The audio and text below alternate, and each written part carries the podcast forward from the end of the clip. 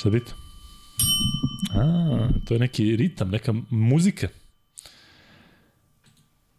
Aj, reci nešto. Neću. Dobro. Dobro, došli u 100 peto izdanje podcasta sa Lukom i Kuzmom. Više Pogledaš malo da se podsjetiš, ili? Pogledaš da se podsjetiš. Da, pa kako da ne pogledam. E, 105. izdanje i ponedljak, 9 sati i sveži smo, nema zevanja. Do duše vi zevanje ne vidite, zato što uglavnom zeva onaj koji ne priča o, kad radimo one posle ponoćne, ali eto, sada smo puni energije, imali smo jako zanimljiv vikend i sada ćemo malo pričati o tome. Gde si Kuzma? Da, pričat ćemo o tome, ali ovaj, e, pre svega današnji dan je uh, zapamćen po onome što si ti prošle godine onako najavio i nastavi da pričaš o tome. E, da, danas je godišnjica smrti Stevana Jelovca. Još uvijek ne znamo, mislim ja ne mogu da objasnim šta se tu desilo, dakle taj dečko je bio zdrav, prav, toliko, toliko voljen sa svih strana i odjednom takva neka takva tragedija, znate verovatno da je bio u komi i da je sve to bilo onako prilično prilično teško. Znate verovatno i za to da je AEK predložio da se dvorana zove Stevan Jelovac, ali koliko razumem ta dvorana se renovira i stalno menjala uh, ime. To znam da je malo bilo dve, tri godine pa onda promeni ime. I mislim da je to dobro, uh, dobar primer da bi mogli i ovde nešto da uradimo po tom pitanju. Ako ne ba neka dvorana u Novom Sadu, zato što mislim da taj momak zaista zaslužuje i kažem još uvijek mi nije jasno, on je znatno mlađi od mene, šta se desilo, kako se desilo. E, mi smo imali 20 podcast pod naslovom 21, e, to je bila 21 godina od smrti Harisa Brkića kada je bio Ratko Varda. I razmišljali smo da li da uradimo nešto slično i sigurno ćemo vremenom da, da obeležimo, e, odnosno da se podsjetimo da boga Stevana Jelovca na taj način. Tako da, zaista, zaista, barem ovako da ga se setim. Eto, to je, to je nešto što, što bi mogli. Žao mi što, što neki igrači malo češće ne posjećaju kakav je bio, ne samo košarkaš, nego kako je ljudina bio, njegov menadžer rekao da je jedini od svih igrača kome, koji mu se uvijek obraćao na vi. I da je jednostavno to povuku iz kući da mu je rekao, ajde, kao, što na vi, ajde na ti. Da. Međutim, ovaj, sjajno. Bio je jednom, bio je jednom na utakmici Mege, bio je u društvu Jokića i Marjanovića. Marjanović u tom trenutku bio ono super um, popularan kao što i danas u NBA ligi, ali je bio i imao i minutažu. Baš mi je bilo drago zato što jednostavno ipak su ovi momci napravili i, i, i prave veće karijere i, i zaradili su više novca, nekako mi se on uklapao po energiji u, u, u tome i baš sam se pitao gde će, šta će, kako će nastaviti dalje i onda kada je otišao u AEK, e, nekako je to delovalo kao prava sredina, zašto su oni napravili zaista jedan ozbiljan tim sa ozbiljnim strancima, uložili su i eto, ne znam Ajde ti Kuzma, reci što. Ne, tragedija u svakom smislu i eto, nevjerovatno je da je prošlo već godinu dana, vreme leti zaista i mnogo je ljudi u posljednjih par godina otišlo iz naših života. Nažalost, e, neki u tim godinama, neki kako je moralo da bude, a neki pod izuzetno čudnim okolnostima u smislu sve ono što je vezano za koronu i način lečenja i tako dalje i tako dalje, ajde ne potenciramo sad i da ne pričamo o tome, ali neverovatno koliki broj ljudi je nestao samo iz mog života. No, uh, ajde da pričamo o nečemu što je bilo za vikend, nešto malo drugačije. Uh, prvo, hvala svima što, smo, što su nas posetili u galeriji Štab, u tržnom centru galerija, 20 ljudi je bilo, mislim da je bilo vrlo interesantno, čuli su neke anegdote koje nemaju prilike da čuju čak ni u ovom podcastu i zaista bilo fino družiti se sa vama zato što to daje ceo smisao ovome što radimo i onda ništa nije teško i sve je nekako lakše. E, hvala Srđanu Ercegu, čoveku u čijem smo studiju, Infinity Lighthouse i dalje ima tamo izložbu, Valentina Rosija, koja da, nije bio da neka, neka, neka poseti, neverovatne neke fotografije koje nećete sreti, sreti na, sresti na mnogo mesta, to su a, fotografije iz celog njegove, iz cijele njegove karijere, čak ima nevjerojatna priča koju je Srđan sigurno, sigurno pričao u svom podcastu, ali nije zgore greći. Ima sliku a, Valentina Rosija sa ocem. Otac je bio dobar ovaj, u tom sportu, nije osvojio, nikada nije bio prvak, ali osvajao je raznorazne trke i čovjek koji je slikao Valentina kasnije je okinuo posljednja dva snimka i nije ni znao šta je na njima jer je razvio slike koje su ga interesovale. Našao je godinama kasnije kad je Valentino Rossi već postao to što je postao on i otac, on ga drži u, u ruci, u naručiju ima šest meseci, možda godinu dana. Tako da ovaj vredi pogledati odmah kod ulaza dva, da ne lutate, mi smo malo lutali, ali ovaj u suštini lako je naći i da pogledate spektakularne fotografije, mnogo, mnogo majica, Lab 76 i svih ostalih, mnogo lepih fotografija, mnogo knjiga koje je Infinity Lighthouse napravio. Ima čak i naših majica, naravno, pošto uvijek nastupamo pod a, njihovim imenom, tako da, eto, kogod prolazi može da pogleda. Nisam ja neki ludak za, za motosportom, ali ono je bilo vrlo interesantno videti, jer je sve na jednom mestu i I zaista zanimljivo delo, ja kažem, fotografija otkriva mi još jednu tajnu, otkriva još jednu tajnu. Kad napraviš dobru, kaže, komunikaciju sa fotografom, sad znaš one slike kada direktno u oči te gleda vozač. Kaže da je Alonso imao svog čoveka kad god izlazi iz pit stopa, on podigne vizir, pogleda ga i njemu prsti. Kaže, ta fotografija je neuporedivo Da. Ovaj, kvalitetnija, skuplja i cenjenija nego sve ostale koje su iz nekog drugog ugla. E tako i Valentino Rossi ima svog, pa onda ima nekih vrlo direktnih obraćanja jedan drugom. Tako da vrlo interesantno, a Srki je tu sve vreme da objasni sve to i Ja tako, Manček, Srki je tu uglavnom Pa sve. da, da, kako da nije. Da vas dočeka. Da vas dočeka i da porazgovara. Svako ko je ušao pogleda sliku, on je stao i ispričao, Tako tako da svaka čast. A mi smo se za to vreme družili, bili su nam u poseti naš kolega Ilija Kovačić, hvala mu puno što je došao. Bilo je puno ljudi koji nas prate i koji su znaju mnogo anegdota o kojima smo pričali. Jeste. A bili su i e, košarkaši e, koji su nastupili u nedelju. Aj samo izvini da se vratim još malo na subotu šta vraćaj me oduševljava. Aha. E, Što je bilo toliko različitih e, varijanti. Da, da, dakle, da, imali da, smo, e, dakle, imali smo naravno ljude, imali smo čak i ljude, tako, imali smo ljude koji su bili između ostalog i na sajmu, kada smo bili na štandu e, Infinity Lighthouse, dakle, povratnike.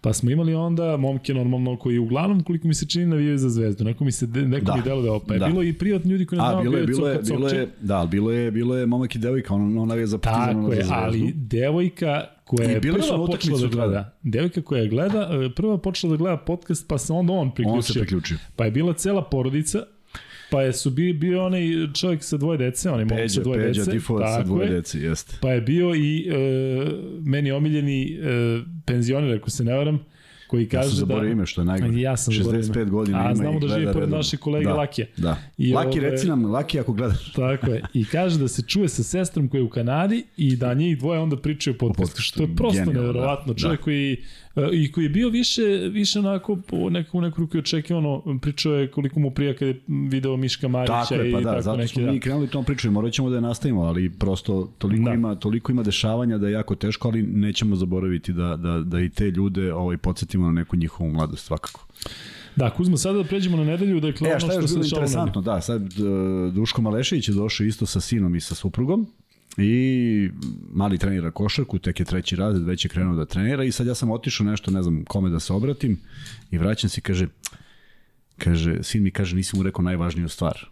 I sad, ajde, kaže, recimo, rođen je na isti dan kad i ja, znaš, mali. Tako da je to najvažnija stvar. Ja sam rekao, znaš još nekoga? Znaš još nekoga koji je rođen, kaže, ne znam, ne znam ja, rekao, važno da nas dvojica jesmo. Tako da je da. bilo vrlo interesantno i hvala, kažem, svima, a mi ćemo napraviti nešto prvom prilikom da bude još, još ovaj, više ljudi sa idejom da malo ranije obavestimo naše goste, pošto su se mnogi, stvarno su se svi odazvali, ali su to ipak, eh, to je ipak vikend kada je već nešto isplanirano, da im na vreme kažemo i da im na vreme najavimo kad će biti, pa da stvarno bude razgovora i sa njima. Ali ja iskreno nisam očekivao da će biti toliko ljudi zato što ipak je Beograd. Imamo ovde ljude koji sada pišu koji jednostavno nisu u stanju doći. Drugo, opet je, naš, ipak je malo vremena. Dakle, da smo mi tamo Da, sada, da, mi smo da, dali da, sat da. i po dva. ja sam je. recimo došao za neko posle da- prenosa. Jeste. Znači, svaka Zato čast kažem, sledeći treba da bude malo bolje organizovan i potrudit ćemo se da bude tako. A kada budeš sada pričao o nedelji i da kažeš i šta sam obećao gde ćemo da idemo uh, 2023. Da, u nedelju, u nedelju u Pioniru bio je zaista spektakularan događaj, košarka u kolicima, mnogo ljudi opet se skupilo, jako lepo, ispraćeno, televizije, novinari,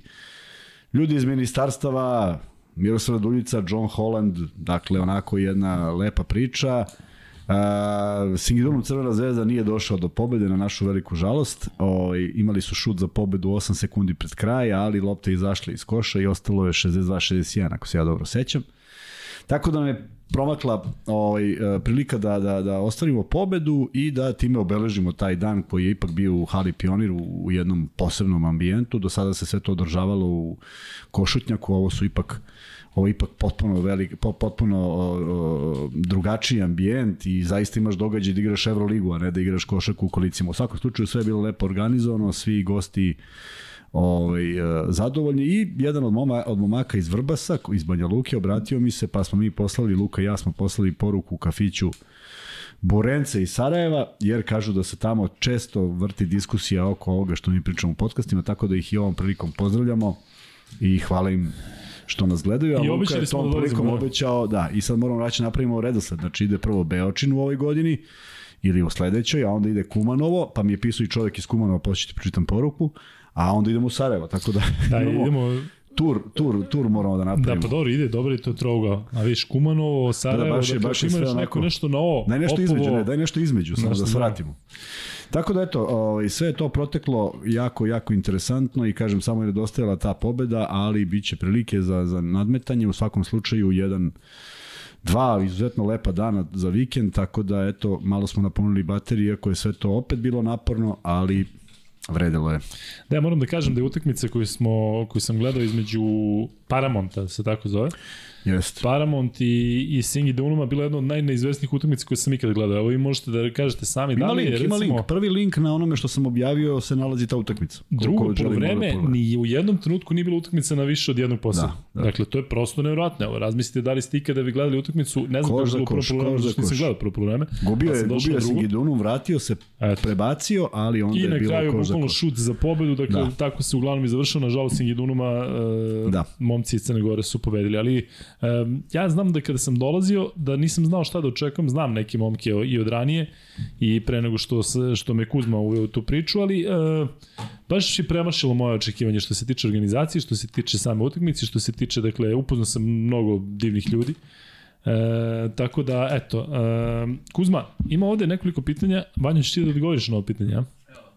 Evo, Vanja je napisao, dakle, e, a za onoga ko je pitao za terijera, to mislim da je top pitao, Da, gde je nabavio od Crnogorskog ne, piše sve ovde. E, a u šta se desilo Aleksandru, ja sam ostao zatečen kako priča o košaci, možete da iskomentarišete njegov intervju. Ja ne mogu zato što nisam gledao, a Či? Aleksandru kod Mileta. Aha. E, mislim da su momci već komentarisali i vamo da su pričali da je on otišao u nekom potpuno drugom da, neko je rekao da... da je ogorčen i da, da, da, nije, da nije tim prethodnim životom, da je, da je da, ljut. Pa, dobro, da, je, pa da, ali svašta mu se izdržava. A, nije. Ne, ne, neko, neko, ja nisam gledao. Neko je to rekao, ali zaista da ja nisam negativno gledao... košaci, ja sam to čuo u da, smislu da, da, da, da, da tipa ono stavio košaku na distancu u smislu pa, dobro. šta mu se to treba. Ima velike muke potpuno je i potpuno možda i razumljivo. Da. E, evo su Dule Malešević, kaže pozdrav od cele porodice, sada e, svi gledamo školski termin i kaže hvala Kuzma za anegdotu o rođendanu, Aleksa se oduševio, bit će glavni u školi sutra. Hvala Bogu, pa naravno. Sjajno. E, ima još pitanja. Ali, evo ovdje ima nešto, pita da li je Kuzma pokazao Holandu kako da trči. Da, sve sam objasnio. Sedeli smo, sedeli, sedeli, objašnjavao sam, on je sve to razumeo i već u četvrtak će biti bolji. Milan Petruševski pita kada dolazite u Kumanovo, da se malo polepša vreme. E, dakle, proleće, leto. Ako, ako ovaj... Samo stavimo zimski gum. Evo ga, Željko Ćirković te podsjeća da je 64-63. E, hvala Ćirkane, kapiten. Koliko si dao, Ćirko, piši tu? 29 28. ili 28? Ja mislim da je 28. Ćirko je dao 28, a Zoka je dao 18, 20, 20, ne znam, nešto strašno. Igrali su fenomenalno i zaista velika šteta što nije ovaj, ostvarena pobeda. Sad će biti u nastavku jako teško, jer, jer se odlazi u, u Podgoricu u februaru, I igra se protiv Gradačca koji je jak i protiv Slovenije. Slovenija je mala reprezentacija Slovenije faktički, tako da teško je tu tražiti pobedu, zato je ova bila bitna, ali idemo da probamo, nije nikakav problem. Evo ovako, pozdrav iz Novog Sada, jednom ovde da napravite okupljanje. Hoćemo, Hoćem. to je, to je barem izvodljivo i možda bi mogli da napravimo taj džir Beočin Novi Beočin Sad. Novi Sad. Tako je, kod Mikana kad ćemo... Kad... Beočin Novi Sad Šabac. I sve jednom dan. Russell iz bara fali jedan skok za triple-double komentar. Ne, e, mogu, ne, ne komentarišem Russell. Feca, Russell smo iskomentarisali. Ja se izvinjam, ne komentarišem. E, idemo dalje. Ali nekome, nekome je danas pisao da se ne ljuti, ne pamtim imena i šta god da piše, jer tu je mnogo poruka. I e, rekao je, pogledaj, ajde da obratimo pažnju malo na Pecarskog. I to je jedan izuzetno talentovan dečko. Kako ne, pa videli smo i ono meč protiv Partizana, pa Tako tu, tu su svi. Međutim, međutim, ja mislim da on još uvek, još uvek ne shvata šta je timski sport, ne shvata koliko je pobedna bitnija od 35 poena, ne shvata da mnogi treneri koji su radili sa njim ne mogu da ga preporuče drugom treneru, ne shvata da je promenio šest klubova za šest godina, I to su problemi koji ne sad u ovom trenutku. I on će bljesnuti i ovako će odigrati utakmicu jer talenat apsolutno ima. Ali evo, ajmo samo da vratimo svi koji prate moje kritike a to je ono što sam ja nasledio od trenera, kritikuješ nekoga od koga nešto očekuješ, pa u tom smislu gledam i Pecarskog. Ajmo da imamo Petruševa. Ja sam bio neko ko je bio nezadovoljan njegovim igranjem. Šta se desilo? Došao je trener koji je dao jasne instrukcije i on je počeo da sprovodi to. I igra sve bolje. Pecarski ne igra sve bolje.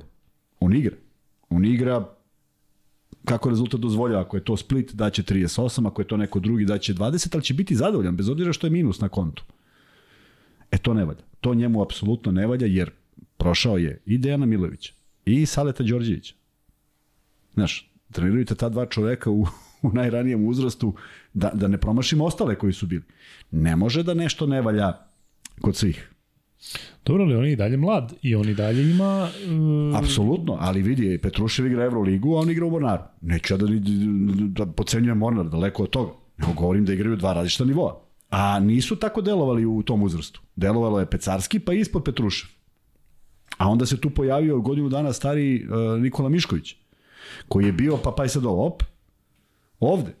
Ali vidiš, nema Nikole. Evo, pišu ovde 26 poena, Ma 9 sve- skokova, sve to 6 sad u savršeno, tako napadu, je. iz igre 10-13. Pa zar nije ovo možda odskočna daska za neki Ajmo veći... da, ajmo da vidimo, ne kažem. Ja ne kažem, nego i dalje. Ako, Meni se čini da možda nije dobio šansu.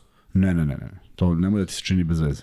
Pa da li, jer Ma recimo ne, da on u ovom Partizanu bi dobio Ma šansu. nema pa- veze, ne, nema veze u Partizanu, igramo u Da. drugim klubovima, tako da Ali ja mu želim puno sreće želim da ovako nastavi da igra i želim da na kontu Mornara bude veći broj pobeda i od poraza, a on neka spusti svoj procenat i za 3, za 2, za još 10% i nema problema. On će onda biti pobednik. Ovako će... Koliko ima Mornar? Pobeda. Ej, Aj sad, ko da, pa sad ćemo pričamo o ABA ligi, ko da sam te pitao... a dok ja uđem tamo, Evo, ja ovde, ti imam, imam nešto drugo, silna, ajde. silna pitanja Aj, za tebe. daj. E, Što što pitaju mene? Pitaju da li dolazi Gagi. Dolazi Gagi. Dolazi negde oko 10 ga očekujemo, ali Gagi se javio na prvu i rekao da dolazi, samo je problem nastao kad mi se jutros javio i rekao da ima trening i sastanak i tako dalje, onda nismo trebali ga požurujemo, a nismo trebali da propadne da dođe i onda sam ga pitao da li može u 10 i Gagi će se pojaviti oko 10 i svi ćemo biti zadovoljni. mora da ima 4-5, 4 evo ja želim da vidim 17-7 uskoro. I onda ću kažem sve ovo što, ovaj, što, što, što sam rekao, ja od- odmah kažem izvinjavam se svima i to je to. Za razliku, na primjer, od Tanaskovića koji nema 115-2, ali ima 5-4, ima pobedu u FIBA ligi šampiona i bude najbolji igrač i danas odigra fenomenalnu utakmicu i mali Stefan Đorđić odigra fenomenalnu utakmicu i pobede sa devet igrača, pobede koga god, ne znam s kim su igrali, ali pobede šest razlike. E to su neke, to su neke uspešne stvari. 115-2 veliš, na? Znaš da je bilo u košu izašlo kada smo mi kao 11-godišnjici pobedili nekoga 111-3 i onda je bila, bila je slika u košu 91. godine. Koš izlazio do kad? Ne znam. Sad to, to je preistorija, otko znam. Da. Posljednji dinosaurus. E, Viđen tada. Kaže, imam pozdrav iz Pariza, pitaju ovdje kada ćemo do Banja Luke. Da, moram priznati da nisam siguran zašto nema vas mnogo iz Banja Luke. Očekivao sam da će u Banja Luci da bude, ovaj, ali neko, mislim da smo do sada imali samo 3-4 ili ona pozdrav ili kada recimo tražimo da se javite odakle ste, ipak je ovaj Banja Luka ogroman grad i znamo da se tamo gledamo. U Banja Luci će se održavati jedan od turnira košarkaša u kolicima i sedamo i idemo zajedno. Može? Može, rešeno. Džisko voli disko, kaže dođite u Kumanovo, ja sam pisao Kuzmi. Šta kaže Džisko, Kuzma? Džisko, sad ću ja originalu da pročitam. Samo da ga nađem. Ja tamo imam neku rodbinu, ali daleko, daleko, čak nismo ni, ni krenuo, jedva čekam da ih vidim, to su ljudi koji su sada već jako stari, neki od njih nikad nisam video, tako da se baš radujem što ću ići. E, Sad se baš radoš, kao znamo kad uf, idemo. kako se radujem. Ti se već radoš, Ma, pa makar to da- bilo i u maju. Ne znam, blokirao mi telefon. Anđela Spasović ništa. kaže hoćemo malo o futbolu, ali mislim da se šali. Ali vi verovatno svi znate da Brazil vodi 4-0. Izvinjavam se nekome ako sam mu pokvario gledanje reprize. Kako je? Pa da. E, da, ovde sada komentarišem malo o Tanaskovića. Veliki pozdrav za Kuzmu od Igora Obradovića. Zanima me njegovo mišljenje o tome kako bi kurs domaće regionalne košarke bio bez zaba ligi. Pričali smo dosta o tome, ali ajde Kuzmo, probaj sada malo. Pričali smo i to je, to je, mi smo zemlja koja bi se najbrže oporavila da nestane. Ne bih, nemam, nemam ja želju da to nestane, ali imam mnogo primetbi na ABA ligu. Imaju mnogi i ovaj i mislim da da je da ABA liga nije uzrok posrtanja srpske košarke. Dakle nije zbog ABE se sve ovo izdešavalo, ali prosto ima paradoksa koji su neprihvatljivi, da jedan klub iz Srbije ne može da napreduje dalje, zato što ih ima pet i tako dalje. Taman se podigne neki centar, onda mu neko kaže da ne može da igra. Ta Čajetina je zaslužila. Kako god, ne znam koji sad tu treba metod da se nađe da bi, ali očigledno neće. I sad stvarno ima tu nekoliko klubova koji, koji ovaj, odskaču kvalitetom. I ja se slažem, kad bi sad zamisli da postoji Srpska liga, i Zvezda i Partizan naprave od timova šta su napravili, a treći tim u ligi je ko? FNP, ok, sa mnogo manjim budžetom i svaka čast kako igraju. Ali to bi se onda svelo na 5-6 klubova. Ali bi za dve godine možda bilo 8. A za četiri godine možda bilo i 12. To ne mogu Hrvati da urade, ne mogu Slovenci da urade. Ne može niko u okruženju. Srbija bi uspela sa nekim drugim pristupom, sa nekom drugom strategijom, ali ovde nema baš nešto mnogo strategije. I samo ti vratim sad jednu, apropo strategije. E, ja nisam gledao Pixijevu izjavu, ovaj, da bi znao šta je tačno rekao, ali je napravio konferenciju za štampu i rekao je nešto. I mnogi su mi se javljali i rekli, makar je nešto rekao.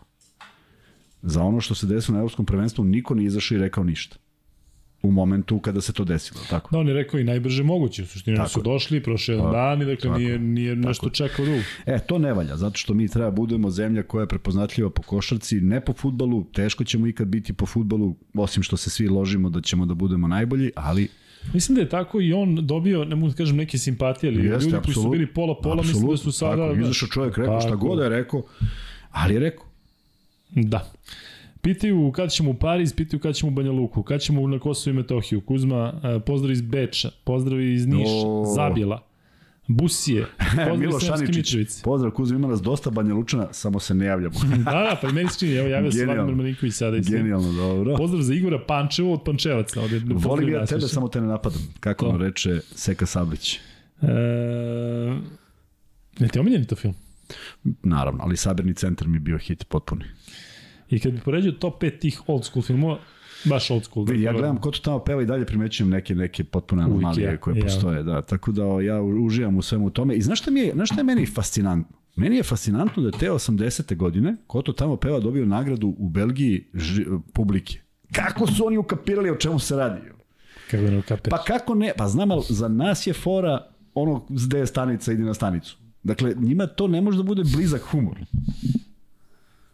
Daj jednu kartu, ne, daj, daj pet. Znaš, to je, to je, to je zaista mentalitet ali, našeg naroda. Kada ovaj pipa top, pa samo sam pipnuo, to mora da bude svemo i Znam, ali, ali, ali, ipak, znaš, jer ja, ja volim francuske filmove, obožavam, ali, na primjer, kad je bio, ovaj, kad smo gledali čovjek ujeo psa, mislim da smo se jedini i smejali naš četvorica.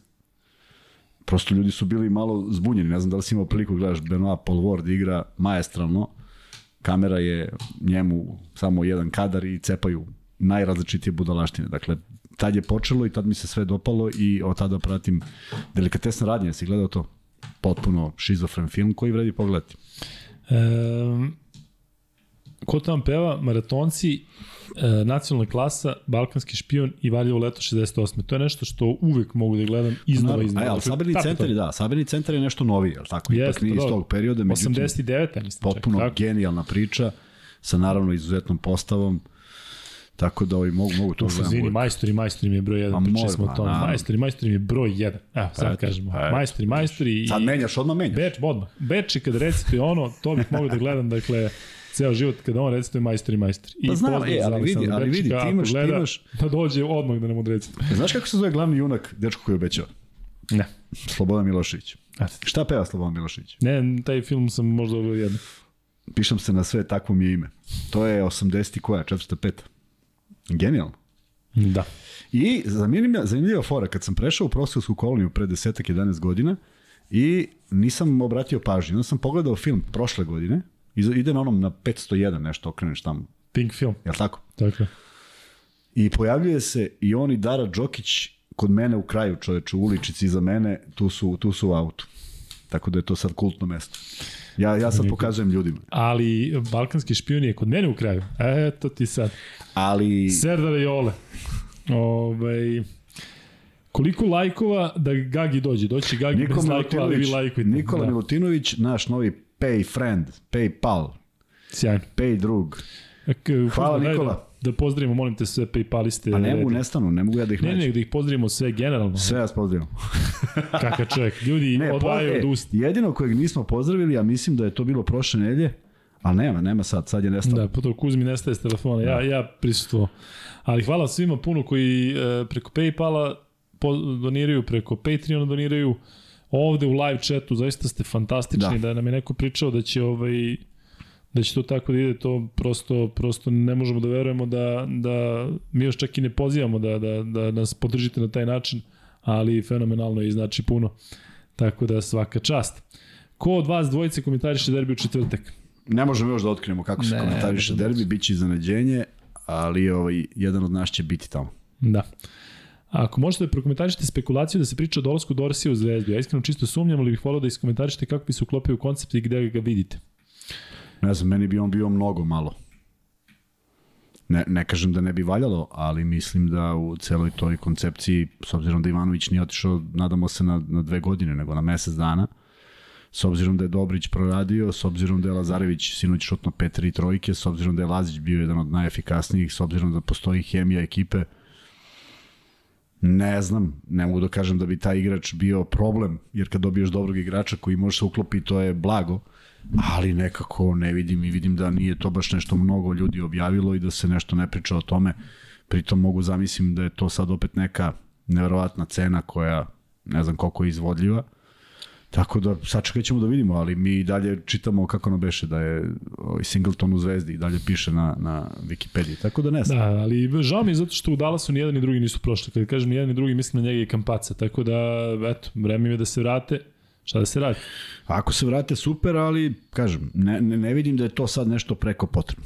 E, Kuzma, da. kad dolazim u Čićevac na najbolje pečenje? Kad, nas, kad, kažu, kad, kad ga stave na Tako, krećemo. E, veliki, dobro, ovo smo već prošli.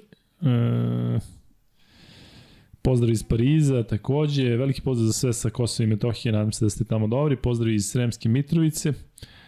A Uh, Luka, šta misliš, da li treba uvesti pravilo u ABA ligi ili KLS-u da na parketu petorci mora da bude jedan igrač do 20 godina tokom 40 minuta? Bilo Nema, bi dobro, te, ali mislim da ne izvodi. Te ograde i ta pravila ne, ne služe ničem. Ali dobro, vidiš, u, Ki, u Kini recimo svoju košaku i svoje one košakaše koji nisu ni prinati Amerikancima, pritom ih dobro plaćaju, štite tako što može da bude samo jedan Amerikanac na terenu. Dakle, ja nisam, nisam protivnik da se tako nešto uradi ako će da donese nešto dobro, ali mislim da ne izvodljivo, tako. Da. Tako. Pa jest. Nije, nije, nije ostvario. E, Gagi dođe u Partizan, trebaš nam. Dobro, vidjet ćemo. Gagi odigra jako dobro. E, smatrate li ako Partizan osvoji Abu, da će Žoc podneti otkaz? Pozdrav iz Trebinja. Pa ne smo, rano je za bilo što kako tako. Ako o, ne osvoji? Ako ne osvoji Abu, da će biti otkaz. Pa daleko je, to, to je toliko daleko. Daleko je, i mislim da... Da, ne, i Žoc ne može dobiti otkaz, to može samo da ode. Kada ćete malo po Nove Varoši, dobiđemo planinu i to pa možda se otvori za neki ručak, ja ću ostalo. E, stvarno ćemo napraviti neku turneju. Pitaju kada ćemo u Kruševac. Kruševac ću ja, ljudi, morati idem, tamo moram da odem kudi Kamileta. Čekajte ljudi.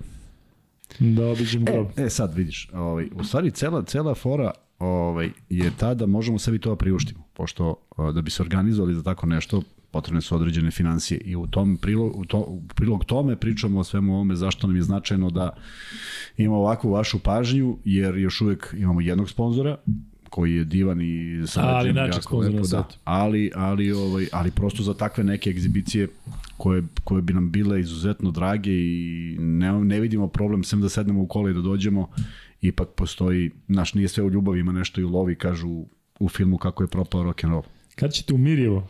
Znači, Večeras, verovatno. Da.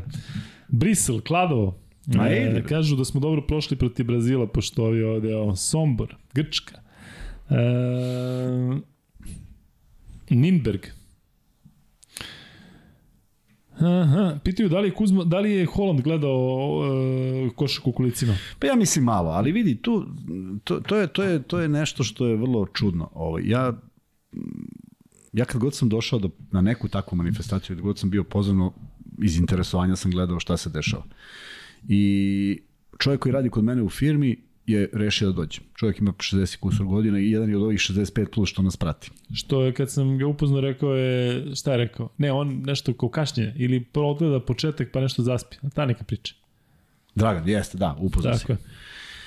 I on je bio oduševljen. Kaže, ja sam sve očekivao, samo ne ovo. I on je ostao celu utakmicu odgledao sa izuzetnim, sa izuzetnom pažnjom. Zašto? Ti potrebno malo samo da uđeš, a izgleda fenomenalno. I zato kažem, ima link, pogledajte tu prvu utakmicu, možete gledati neke majstore. Ja bih voleo da, da Srbija ima igrače kao što je, na primjer, čovjek koji igra za Vrbas, Štimac. Ja ne mogu da ti objasnim šta on radi sa ovom loptom. Znači, to je nivo, nivo, nivo iznad. Što je jedini stranac beše. On je, on je, on je, on je inače igra za hrvatsku reprezentaciju, a nastupa za Vrbas. Znači, neverovatno kako čovjek igra i šta on radi sa onim kolicima i gde sakrije loptu i odakle je izvuče, mislim, prosto uživaš da gledaš, bez obzira što, što neka ti dođe, znaš, da uletiš, da, da zaustaviš ona kolica i da ga izbaciš, jer, jer igra previše dobro. Dule Malešević je donirao. Kaže, evo za prasiću glavu. Hvala Dule. Hvala Dule. E, pitaju Kuzma koji je najbolji makedonac protiv koga si igrao i pozdravljaju iz Makedonije. Pa nisam baš igrao protiv mnogo makedonaca, realno. A, jesam, lažem. Igrao sam protiv Davidko, pa je opasan igrač. A nisi igrao protiv Nomovskog? Nisam. Peca je bio već u Efesu, mi nismo još dobacivali dotle, a onda kad sam ja igrao protiv Efesa, onda on više nije bio u Efesu. Čeka, Mirza? Šta? Mirza je, je li makedonac? Mirza Kurtović. Ne znam. Ha? ne znam. Ali se ne spada u red najboljih. Ne, ne. Najbolje je bio Jordanče Davidko, ali to je ono 80-ih, početak 90-ih, on je bio igrao za Rabotnički, imali su strašnu ekipu. I, ovaj, i on je bio jedan od, mislim, mislim da, je dana, da danas radi kao trener. A od ostalih, ne usetim zaista. Gečevski, nikada nisam igrao protiv njega. Nisam igrao protiv ove, ove braće. Gečevski je tu negde moje godište. Pa da, ali mlađe. nisam igrao protiv njega. E, kad ćemo u Teksas? E, ja bih volao da vidim ponovo Teksas. E, je, je li važnije dalje ono da može samo vakcinisano u Ameriku? Mm, mislim da ne. Mm, pa onda, onda dolazimo. e, pozdrav iz Makedonije. Dobro, Kuzma. Na, kaže, Kuzma, jeste da si ganci, ali te poštujem. Viš kako te poštuje Partizana i navijači. Pa, bre. E, Evo Gagi se javlja, izgleda da ne dolazi. Pa moramo da se izvinim. Je ozbiljno? Šta kažeš? U sledećeg ponedjeljka ima slobodan dan. Izvinjava se jer je tek sad završio trening. Eto, čuli ste i sami, tako da ništa od Gagi sad. Ali hvala Gagi, ovaj, eto, ali hteli smo da probamo, ali onda ostaje da ovaj, da, da je sledeći ponedeljak Gagi Milosavljević. Da, stvarno je danas tako da je i trening i uh, taj sastanak i eto sad kada bi krenuo, došao bi možda u pola 11, tako da eto, bez Gage danas menjaju, da, menjaju onda bismo, da, onda bismo, onda bismo, kraće bismo trajali. U stvari, ne bismo da. čuli sve od Gage. Ovako smo mislili, možemo da, da uklopimo i nisam hteo da ga izgubimo, ali evo, zakazujem, ponedjak 21 H. Izvinjava se svima. Eto. Žao nam je što nije došao, ali sad prostor da mi zapevamo. da. Uh, ubacit ću novi naslov.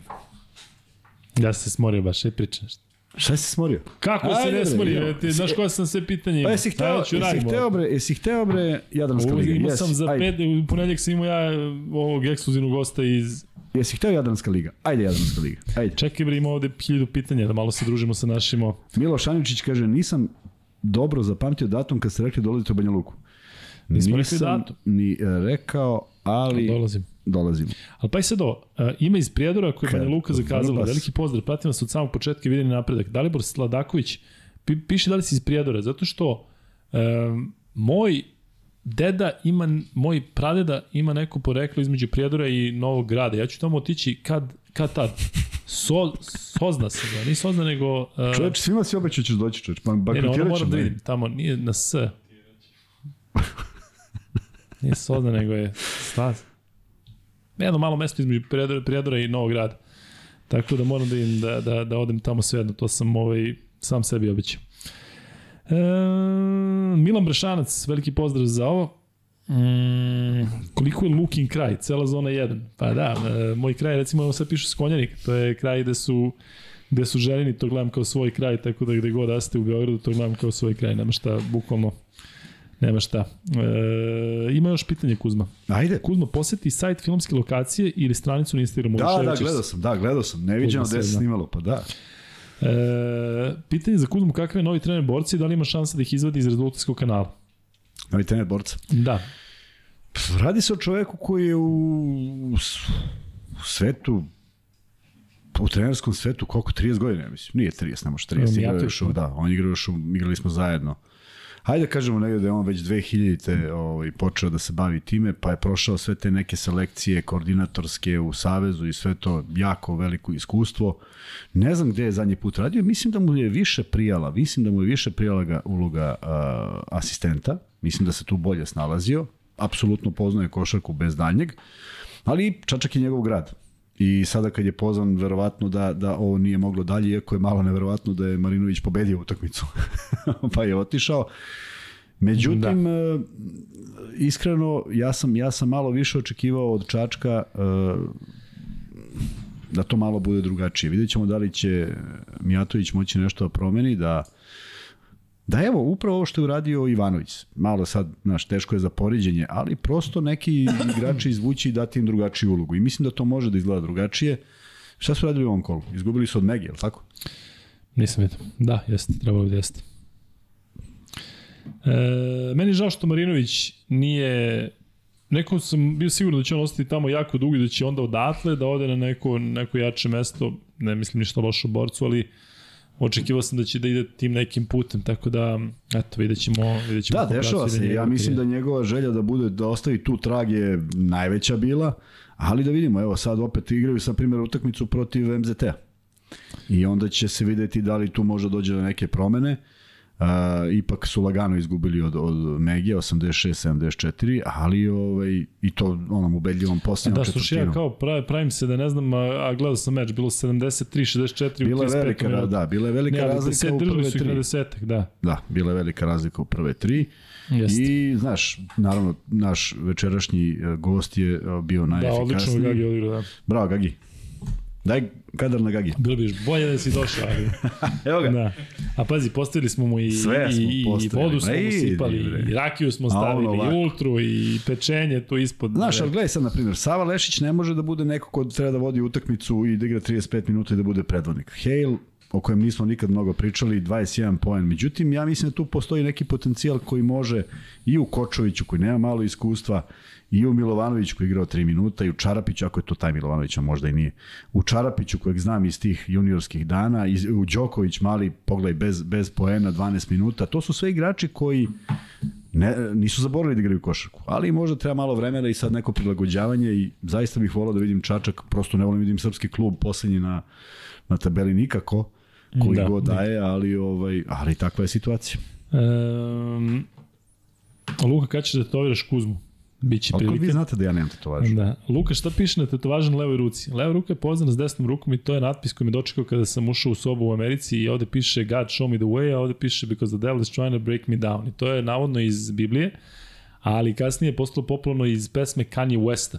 E, pa tako ovi moji drugari amerikanci kao, u, kao, tetovirao si Kanja, bravo, rekao, jeste stvar. Da si znao, ne bi ni tetovirao. Tako je, Kanye West inače postao popularan te 2003. E, kad godine. popuniš sve, onda meni na ruku ovde Normalno, ovako krenu. Ti ideš na leđe, tamo na leđima su ovi simboli i glavni. Sve, kad popuniš, sam javi. Spreman javljam, sam. Javljam, bez brige. Za tebe ću stavim šta hoćeš. Ne, razumem. E... Pitao jednom Milenka Topića u naponu naših najboljih igara u Beočinu, ili kad bi ja tetovirao tvoj lik na desno rame, šta bi ti rekao? On kaže ništa i onda sam odustao. Ja bi se onesvestio kad bi neko hteo. E, teo sam još nešto. Sad sam te prekinuo. Uf, kako si vidio tok misli. E, Kuzmo, možda li pa reći o Slobodanu Jankoviću? Bobanu? Pa verovatno. Pokojno Bobanu Jankoviću. Pa, pa da sigurno, bez zašto smo pričali o kolicima i svemu, on znam da je bio E, i oni, da, oni su pokušali, da, pokušali su s njim, međutim, nije to, sad ti nekog isturiš tako i onda svi zaborave, a mnogo je kivnih ljudi ovaj, što, što se to uvek dešava u nekim proslavama i takvim nekim momentima. Evo da, da spomenem da je 3. decembar bio dan osoba sa invaliditetom i onda se svi sete osoba sa invaliditetom i to je otprilike to. E, ja bih volao da je drugačije, A što se Bobana tiče, sad zamisli kad gledaš nekoga koji je potpuno atipičan onih 80. Inače je Zvezda bila atipična ekipa. Partizan imao jedan sistem. Partizan je imao fenomenalne igrače, Partizan je imao reprezentativce, Partizan se prvi domogao Divca, Partizan je imao uh, Miška Marića kao kapiten, a igrali su jednu drugačiju košarku, a Zvezda je bila jedna Pa ja bih rekao možda ekipa ispred svog vremena. Ranko Žerević je bio taj koji traži poen više i ti kad pogledaš imao si apsolutno od 12 igrača samo pokojni Rajko Žižić nije šutirao trojke. Svi ostali su bili fenomenalni strelci. E, Trta je tu prednjačio, pošto je volao da se ovaj, šali i on je šutirao i sa 7 metara u ono vreme i sa 8 i izmišljao šuteve, izmišljao poene, ne, nestvaran talenat uh, koji, kako sam ja razumeo, nije bio u skladu sa radom kad kažem sa radom sa nekim nekom marljivošću u teretani i sve to. Da, jer, malo se i videlo u jer se kod da njega to i videlo, više, tako da. je, ali on je nosio to jako dobro i uživo i kažem, bio je neko ko je donosio različitost. Koliko je Dražen bio neko ko je donosio ludilo kad ga vidiš i sve je savršeno, Trta je to radio kako mu dođe. Pa možeš pogodi odavde i odande na jedan instinkt. Kada se tome doda Neša Ilić koji je ovaj koji je bio vrlo sličan po nekom po nekoj lucidnosti. Zoki Radović koji je igrao fantastičnu odbranu, uh, Karadžić koji je šutirao kontra, kontra mu se vrtela lopta, Bogosavljev koji je bio odlična četvorka, Žiža koji je bio tada dominantan centar. Dakle, jedna vrlo specifična ekipa gde on imao svoje mesto i... A on je stariji od tebe nekoliko godina, tako? Pa nije nekoliko, mislim da je dosta. Da. Ali, ali naj, e, zaista, sad kad vratim, mislim, to mi je od uvek bio najteži moment u karijeri kad sam to video. Ta, ta njegova potreba, povreda. Da, ja sam iz nekog razloga to s vremena vreme pogledam, ne znam zašto. E, ja, ja, ja nisam želeo uopšte. I kad je neko pravili su emisiju njemu, ja sam se okrenuo da ne vidim, jer, jer, mi, je, jer mi je to ostalo od onog prvog dana kada je bila povreda i ne znaš uopšte šta, čekaš, šta očekuješ da vidiš. Da, da. Nisu se vesti širile tako brzo, nego se povredio Jeste. Janković. Sad vidiš kako se povredio. Dakle, jedan od najmučnijih momenta. Pa sigurno, i, uh, mislim, generalno. Ne, ne pamtim nešto slično da smo videli. Ne, ne, ne. Pogotovo što je e, proizvod samo te želje da se pobedi i, mislim, potpuno ludilo. I onda sam nedavno pogledao ovaj, baš pre neki dan, Sale Đorđević kad mu daje dres na Jeste, opraštanje. Jeste, sad da, da kažem, potpuno. njemu i Srđanu Kneževiću. Jeste. Pokojnom. Ja sam imao priliku da upoznam Srđana Kneževića zato što sam uh, u periodu kad sam ja došao iz Amerike, bila je varijanta da se civilno služi vojska. I onda sam bio u jednom udruženju invalida koji se zvao, uh, kako, kako se zvao Kuzma? Onaj, uh, i mladost. Dakle, Beo Fenix, a ovi su bili... Ovi su bili... Beo nije Beograd. Nije Beograd, ovi su bili... Gore, do, bili su na Novom Beogradu na tamo iza. Na je bio... Pa da li bio Singidunum? Ne, ne, nije, nije, nije bio, je bio nešto drugo. Bože gospod. Ne veze.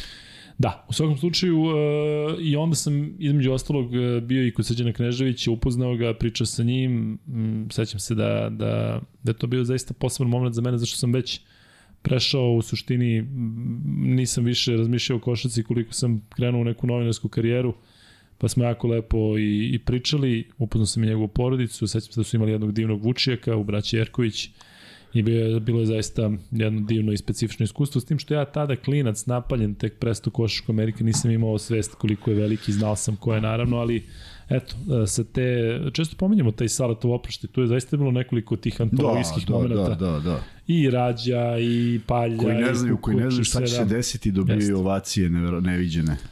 Da. E, pitaju Kuzma šta fali Zvezdi da odbrani ABA ligu? Ne fali ništa. Šta je fali? Da li bi ti još nešto menjao? Evo, konkretno, pitanje za Kuzmu, da li je ovakav zvezdni tim dovoljan da se odbrani ABA ili nam je potrebno još neko pojačanje na kojoj poziciji? Mislim da si dovoljno rekao malo pre kad si rekao da bi bilo previše. Ja mislim da, da ako smo nekad mogli da igramo sa 12 igrača i da im se nađe mesto, može i ovih 16 da se nađe mesta i mesta dobrim igračima. Mislim da su uh, evo po ovoj utakmici koja ne može da bude merilo, ali protiv studentskog centra u jednom trenutku studentski centar prilazi na Da, poen i onda odjednom vidiš potpuno drugačiji pristup i onda od nekih ljudi od kojih ne očekuješ, govorim pre svega o Lazareviću, ali viš koliko je Lazarević spreman da se ponovo vrati da se namete treneru. I on da. koristi svoju, svoje, svoje, svoju... Ovaj, to je prava reakcija, prava najbolji reakcija. mogući, da. E, to je vrlo važno, imati pravu reakciju. Ti kad dobiješ 15 igrača sa pravom reakcijom, pa tebi onda lako da sastaviš tim. Da li će to biti stalno pobeda i da li će se negde neko kiksnuti? I najbolji timovi gume, gube, ovaj, gubi i Efes i Fener u prvenstvu, gubi Real, gubi Barcelona, nema sad tu neke neverovatnoće da se negde kiksne, ali izuzetno je duga sezona, Uh, ja znam da svi zvezdi navijači žele da ova, da ova serija traje do, do, do 100 ako može, ali bit će i tu padova, bit će tu padova forme. U krajnjem slučaju uh, dešava se svakoj ekipi pre ili kasnije, videli smo neke loše startove pa dobre serije, videli smo neke dobre serije pa užasne, pa u, još uža, u, užasnije serije nego što su ove prethodne trajale, prema tome uh, ja mislim da Zvezda ima odličan tim, da je popunjen na svim mestima, da uh, kada, kada postoji ta zajednička ideja koja je očigledno jedna od najvažnijih stvari koje je doneo o, Duško Ivanović, da je to možda nedostajalo. Talenat ne nedostaje, zaista uživamo i velodostinim potezima, prosto nisam imao prilike mnogo često da ga gledam ranije, ali ono što uradi i kako se, kak, koliko prostora osvoji jednim driblingom je prosto neverovatno. Tako da sa takvim nekim vođom koji nije željan samo poena nego pobede, jer ja mislim da ga pitaš da li je njegovih 25 ili njegovih 12, a pobeda, ja mislim da sada svi u Zvezdi gledaju to na taj način. Utakmica u četvrtak će biti posebna iz hiljadu razloga, ajmo prvo o, o, o, o Ima ovde još dosta da. pitanja i kaže da. ovde da, da i pustimo pol, ali imamo dosta ovde stvari da iščitamo kad smo već ušli ovako u interakciju. Aj u Kladovo na Riblju čorbu, veliki pozdrav za Kladovo, tamo je bio kamp Jubaka zimski u Karatašu, tako Jest, da Karataš je prebačen. Je bilo da. sjajno, da li će biti zvezdanih navijača u četvrtak, verovatno neće. Biće, pušteni biće. su, da, da, biće, jo? onaj sektor gore. Pa za nije to prilično e, problematično da nađe do nekog... E... Pa vidi ovako, možda i dođe, ali ajde sad malo, malo mozga da svi sada kada se već to pravi, kada je to već Euroliga, kada to nije više ništa što može da se ovaj, podvede pod nacionalno, nego ipak, ipak si na jednoj velikoj sceni, ajde, neka dođu, neka bude jedna grupa, neka navijaju, neka ovi odgovore, neka sve to ide, neka bude deo folklora. Luka, igrali smo te utakmice, mene su, mene su zvezdi navijači pitali kako je, kaže, igrati pred najboljim navijačima u, u, na svetu. Ja kažem, Bilo je divno, samo jednu godinu. Uglavnom sam igrao protiv najboljih navijača na svetu. Budućnost Partizan. 7000 navijača Partizana. Mi smo za njih ustaše, što je okej, okay, deo folklora, iako smo manje više svi, da. svi bili iz Beograda, skoro, skoro pola ekipe. Ali to je bio deo folklora. I, i, i ne mogu ti kažem da nisam uživao u svemu tome. I ne mogu ti da, da ti kažem da sam imao paničan strah, iako ima onaj moment kada, kada su utrčali navijači na teren. Ja sam samo tražio da pobegnem što pre da se ne sapletam, jer ne znam šta bi se desilo. I ne bih ja mogao sad tu ne znam šta pametno da uradim, sem da se sklonim. Što sam se nagledao tih tuča na tribinama sa terena? Ne. Ono padanje sa, sa, sa tribina nije. Nije, nije. Naj, naj, najteži, najteži događaj koji se desio, za koji možda i malo ljudi zna, osim ljudi iz Lazarevca, je bio Lazar Kolubara Beočin. Ko pobedi, ko pobedi ide u Superligu 94-95. Zašto je ta liga posebna? Pošto je 32 tima. Dakle, da bi mi, da bi Kolubara prošla, mora da nas pobedi. Imamo kvalitetniji tim, ali tu dvoranu u Lazarevcu ja nikada, verovatno i Lazarevčani, nisu videli toliko puno. I dvojica se posuđaju oko mesta, što nešto potpuno suludo, i ovaj ga ubode i dečko iskrvari tu. Na terenu. Znači, mi stojimo sa loptama potpuno, pot, kako bi ti rekao, ne, ne da ti se ne igra utakmica, nego se pitaš o čemu se radi. Ne kontra navijači, nego verovatno ljudi iz istog mesta. E, Nisam ni znao za to. E pa to kažem, to malo ljudi zna, ali potpuno, potpuno neverovatno. A ovo sve ostalo je bio, kako bi ti rekao, čuješ, ču, a, ako se izoluješ, ti, tebi je fenomenal. Ti uživaš u huku, i znaš koliko nerviraš protivnika i znaš da ovi tvoji navijaju za tebe i sve ti je super i jednostavno ne obraćaš pažnju, ne ulaziš ni u kakve rasprave. Zaista nikada nisam ušao u raspravu s nekim navijačem, jer od toga nema svrhe, prvo gubiš fokus, a njemu je posao da izgubiš fokus i sve smo to podnosili, jedino što nikad nisam podne, podnesem kad me neko pljune. To mi je bilo toliko, znači sve ostalo sam mi je okej, okay. Ali kad dostiže te neko pljune, prosto... Ne znaš šta će. Ne, ne, stvarno ne znaš šta da uradiš. Da, ne možeš opet ništa. Ne možeš ništa, ne možeš preskočiš da. ogradu, mislim, ne, znaš. E... Tako da bih voleo da sa ili bez obe grupe navijača, naravno Partizanović će biti, voleo bi da budu i Zvezdini, ja sam inače neko ko se zalagao za uvek da, da, da, da postoje ovaj, da, lepši ambijent. Ali Kako nije lepši ambijent, pa- ali, ali znaš šta mislim da je problem? Što a samim okupljenjem navijača u dvorani e, i Pa neka znam, bude sve pod pa konac u ja dvorani. Šta će biti pored dvorane? Sve to znam, nažalost Luka mislim Tako da, tako znaš, jeste, to ali mora da bude jako dobro organizovano ko s koje strane dolazi i šta se radi, tako da daj Bože da atmosfera bude dobra i u prvom i u drugom derbiju u Euroligi, je, ali zaista je posebno moment. Mi ćemo sada pričati malo o ABA ligi, pa ćemo onda veći deo, ovo što smo mislili sa Gagijem, Da, pričamo naravno o tom da. derbiju. Ali eto još malo pozdrav iz profesorske kolonije. Opa, od kome pozdrav? Ignjatija Deljanin. Ignjatije Deljanin. Pa ko je to? Pa Znaš kako ja kažem, Pitaj iz, koje, iz kojeg dela profesorske kolonije? Pitaj Ignjatija. Dunav, bre, Čirko Dunav se zvao. Pa stavimo i mozak, zašto da, imamo da, a, Dunav da, i Zapatina da, da, i da. sad rekao da li je isto, da li nije. Hvala Pozdravite Čirko. velikog trenera Mladena Jegdića iz Pljevalja, Hoćemo. Pozdrav. čovjek čini čuda u Kini. Pozdrav iz Ingolštada, Nemačke, pratite se ovde, inače sam iz Beočina. Beočin je, dakle, centar svega. E, pa nego šta? A Ingolštad sam prenosio, to je druga ili treća Bundesliga, da li je cvajta ili, ili je treća. E, gde je Stefan Janković? E, negde sam ga vidio, neki, uf, neka o, prilično egzotična destinacija, da li neki arapski klub ili tako nešto. E, kada ćete u Zemun polje? Ja, mogu ti ispričati za egzotičnu de- destinaciju anegdotu? Može, Aj, ali samo evo vic, može vic. Može, naravno. Jedan košarkaški što, strči Michael Jordan za tramvaje i pobegne mu i pita čoveka na stanici, ili ovo bila trojka? Ovaj mu kaže, nije, nagazio se Nagaziš šinu. se šinu. Dobro, odlično. Za, zaključio sam to. Ajde, kaži se. Ovaj, 2004. Dobro. i ja se malo lečim, pošto sam već bolila kolena i na žabljaku sam i šetam oko jezera i zvoni telefon Miško Ražnatović i kaže ovako ej, imam za tebe jednu egzotičnu destinaciju. Ja tamo onda kažem ko šta kako on spusti. Ništa. Imali smo taj odnos Ja nastavim da šetam, kaže Lidija ko je bio, ja kažem Miško, šta hoće, rekao ima jednu egzotičnu destinaciju. Joj, kaže, šta misliš da je to? Ja ćutim i šetam. Jedno pet minuta kasnije kažem, mislim da je Rumunija. I ona počne da se smeje.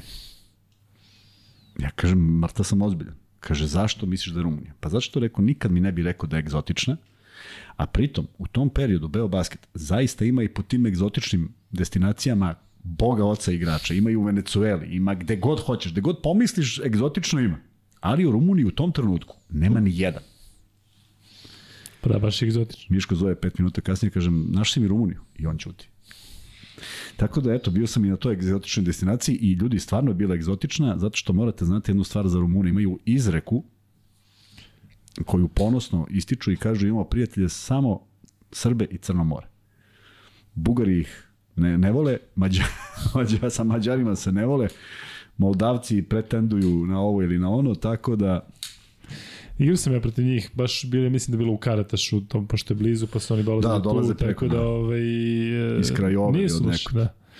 E, pozdrav za Kuzmu iz komšijskog e, kraja Hadži Popovca. da, dobro, to je blizu. Pozdrav iz Beče, kad ćete u Zemun polje, piti Ilija Ževodinović, pa sad smo se videli polako. Ili bre, ček, sad si Da. bio ovde.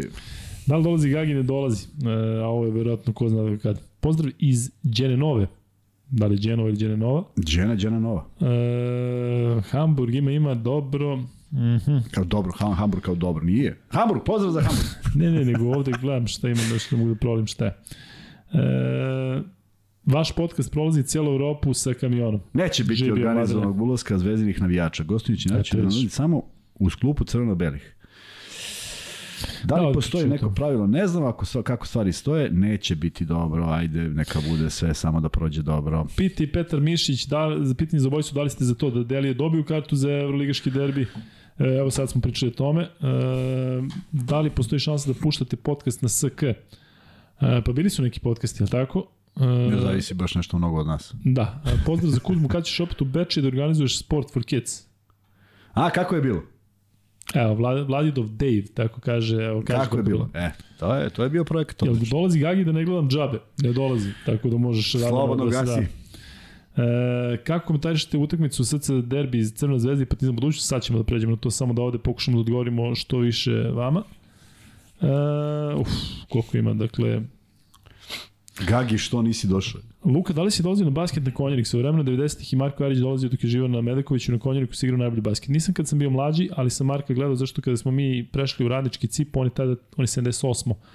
Da, mi smo imali 13, on imao 17 godina, već je debitovao, ja mislim, za prvi tim, onda zakucavao na, na zagrevanju Kuzma. Sveća tog tima, Rejčević, Naćvej, e, Perović, Velimirović, Bošković, Stefan. Crveni krst? Da, Da, da, da, Znači, da, da, mi smo da, da, uvijek da, da. iza, iza klupa, smo imali obavezu da idemo na te I Piva utakmice. Juković bio trener. Da, da, da, bilo je to zaista ovaj, Opasna, opasna ekipa. Evo kaže ovde Luka zove se Dunav, podsjećaju me na to. Da, da, Dunav jeste. Da li možete da prokomentarišete evidentno nameštanje u Turskoj košarkaškoj ligi? E, to je pitao, da, verovatno isti čovjek. Ja, Da. ja ne znam, nisam gledao. I znaš šta, ja imam, ja imam, ja kad čujem tako nešto, ja se isključim, ne želim uopšte da zamislim da je neko, da je neko prodao utakmicu i onako već 30 godina objašnjavam da BFC nije mogao da proda utakmicu jer nije imao ko da proda, da se desio nevjerojatan splet okolnosti na četvrtoj utakmici, a onda sam čuo kasnije u svojoj karijeri da su neke utakmice kao naše bile ovaj, bile nameštene, znaš. I onda se setim utakmica o kojoj pričaju, pobedili smo Cibonu 105-103 u Budimpešti, gde je Cibona šutirala trojku za pobedu. I sad taj ponosno priča, ja ga pitam kako je to izgledalo, kako je, kako je nameštena ta utakmica. Imali šut za pobedu, ljudi. Promašili smo, iskinuli smo loptu i pobedili. I on ti sad priča da je, tako da ja ne želim da uopšte mislim na tu, A jesi imao neki dodirnih tačaka sa tim? ne. Bilo kakvi. da neko U smislu priđe da, da, nešto, neko, da nešto neko kaže po slačionici kao malo da... nikad, da... apsolutno niko nikad. I ja sam zaista izuzetno srećan što sam igrao s takvim momcima. A ti nisi zakačio uh, taj period klađenja, tako? Nema, nema u naše Da, da, vreme da. ništa. I Ali vidi- kad najjača priča, jednom, najjača, jednom od jačih tvojih priča je kada je neko, ja mislim da je bilo klađenje zato što je neko igrao X u, u Podgorici, pa je vikao A, koš, Dule, da, advokat koš. Dule. Da. Ja sam izašao iz igre sa pet penala i ostaje uh, rezultat budućnost Smelt, Smelt Olimpija pet razlike.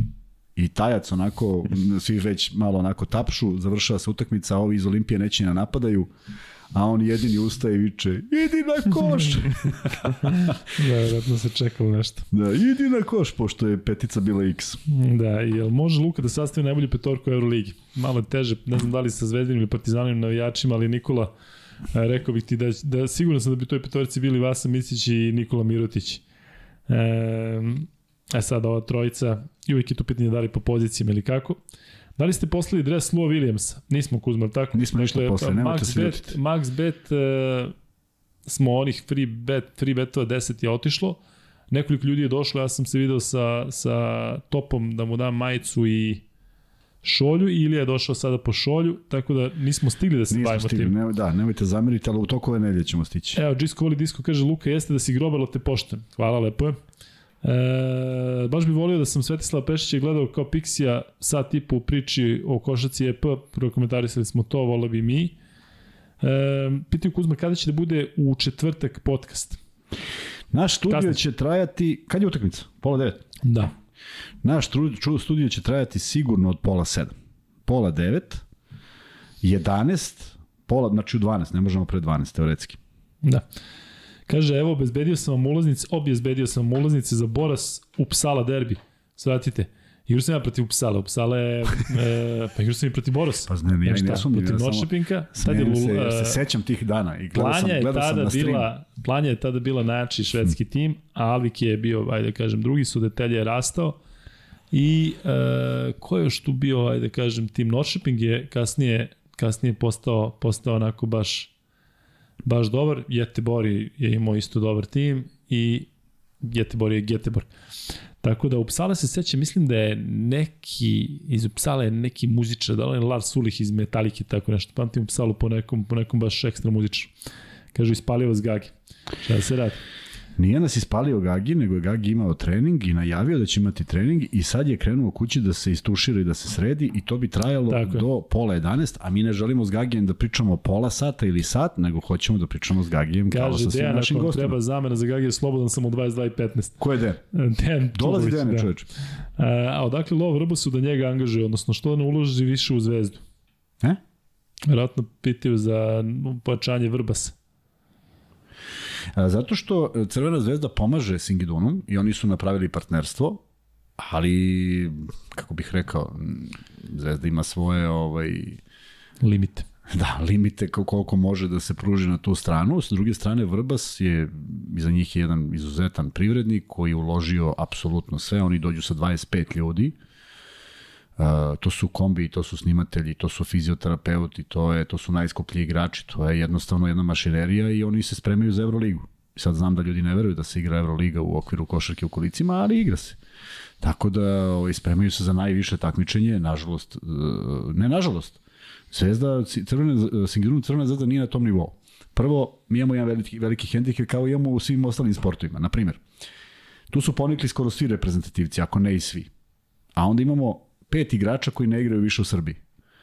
Inače, sa tih pet, Crvena zvezda Singirun predstavlja, ali prosto ostičli su da igraju za novac, i to znam da ne veruju, za novac na različite destinacije. Avda igra u Austriji, Elvis je inače iz Nemačke igra u Nemačkoj. A, Bobi Stanković je u ovome na Kipru, trener i igrač. Selektor nam je u Sloveniji. Kako moma koji je, kod kog smo bili pod drva, kako se nalazi u Italiji?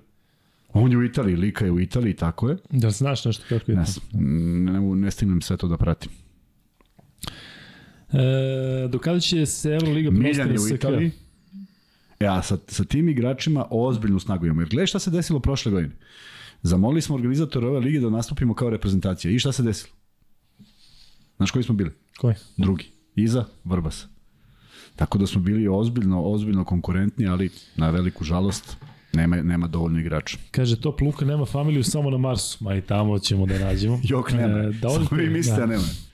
da odete do Raška Katića u Batočinu na trening i snimite tamo jednu epizodu ili makar Ma, prilog. hoćemo sve. Biće prilike. E, momci, odlični ste kada dolazite u Čačak, grad Košike, biće prilike i za to. Prva utakmica koju sam ja ikada odigrao sa tribinama sa svih strana bila u Čačku. I tada nam je trener bio Predrag Rajković. Kića. Znaš Predrag Znam, Rajković kako Kića? Da, on je smutnom radio dugo, pa je bio vamo. Ne, moram priznati, ne znam gde mislim da je u Japanu. Ali to sam u 10. Japanu. godište Tadića, išli smo, sećam se, kombijem, ono, znači vreme, marka jedna vredi ne znam koliko. I ulazimo i ono hala, znaš, sa svih strana, nam i deca, koliko smo imali, 12, 13, 14 godina. E, da li bi u Zvezdi bilo mesta za Aleksandra Lazića iz budućnosti? Meni on deluje kao dosta komplikovan igrač.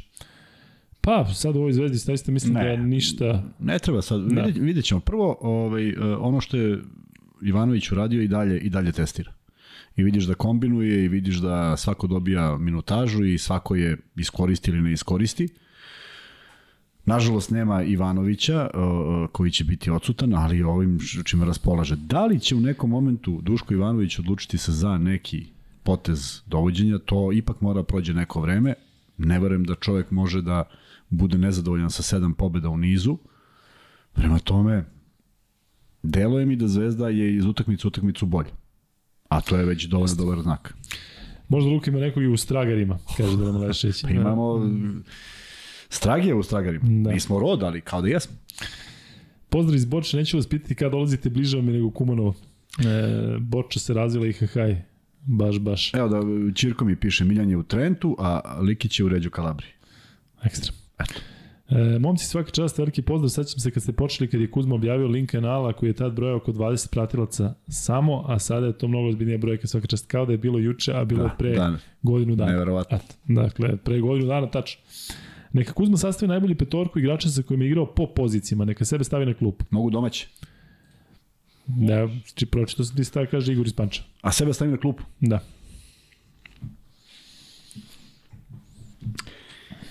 A, ja zaista teško mogu da se odvojim od Topić Topalović. Prosto ne mogu. Da, već znači, toliko godinama sam igrao s njima. Neko ko bi igrao ovaj, na poziciji 2 sigurno Igor Kočević. Neko ko bi igrao na poziciji 3 sigurno Haris Brkić. I neko ko bi igrao na poziciji 1. Ne sad, ajde da vratim samo film. Dakle, imao sam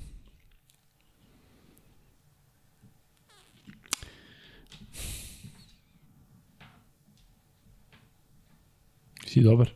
Jesam, ali prosto, znaš kako, gledaj, sve su to, sve su to izuzetni igrači, ali, ali o, o, nekako su mi ova četvorica uh, ajde, razmislit ću za, za playmakera. Mada gledaj, ajde, svi znaju, ja nisam igrao sa 6000 playmakera. Kusmuk je bio playmaker u Beočinu, Trunić je bio u OKK Beogradu, Perović je bio u Zvezdi, uh, stavio bi Benču, Benču bi stavio, izuzetno inteligentan igrač, Uh, njega, on ima malo više godina nego mi pa ga je, pa je promašio možda taj pik karijere, ovaj, inače igrao fantastičnu košarku.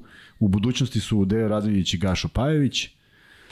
Kada je došao Igor je igrao na poziciji play, ali njega sam već stavio na dva, tako da eto, neka bude tih, tih pet. Luka, imaš li možda rodbinu u Belu Palanku, raspitaj se, nemam. Imamo isti problem Kilon Želovcu, možda smo rod. Da. A, ima, ima A inače, bi, 90% ima stavio bi, ljudi. evo ovako, razmislio sam, izvini, stavio bi Rakočevića na keca.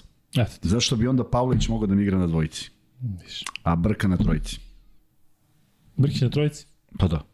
Pa Brkić je, E, Brkić da, je je dva metra. Da, da. Pozdravljate, dakle, Aleksandar Pešić. U četvrte kaže Nikola Jovanović, naš Michael Jordan, ukoliko obaveze dozvole. E, dok je trajala sezona, igra sam lidi pored reke u Stragarima, kaže Radamil Falcao.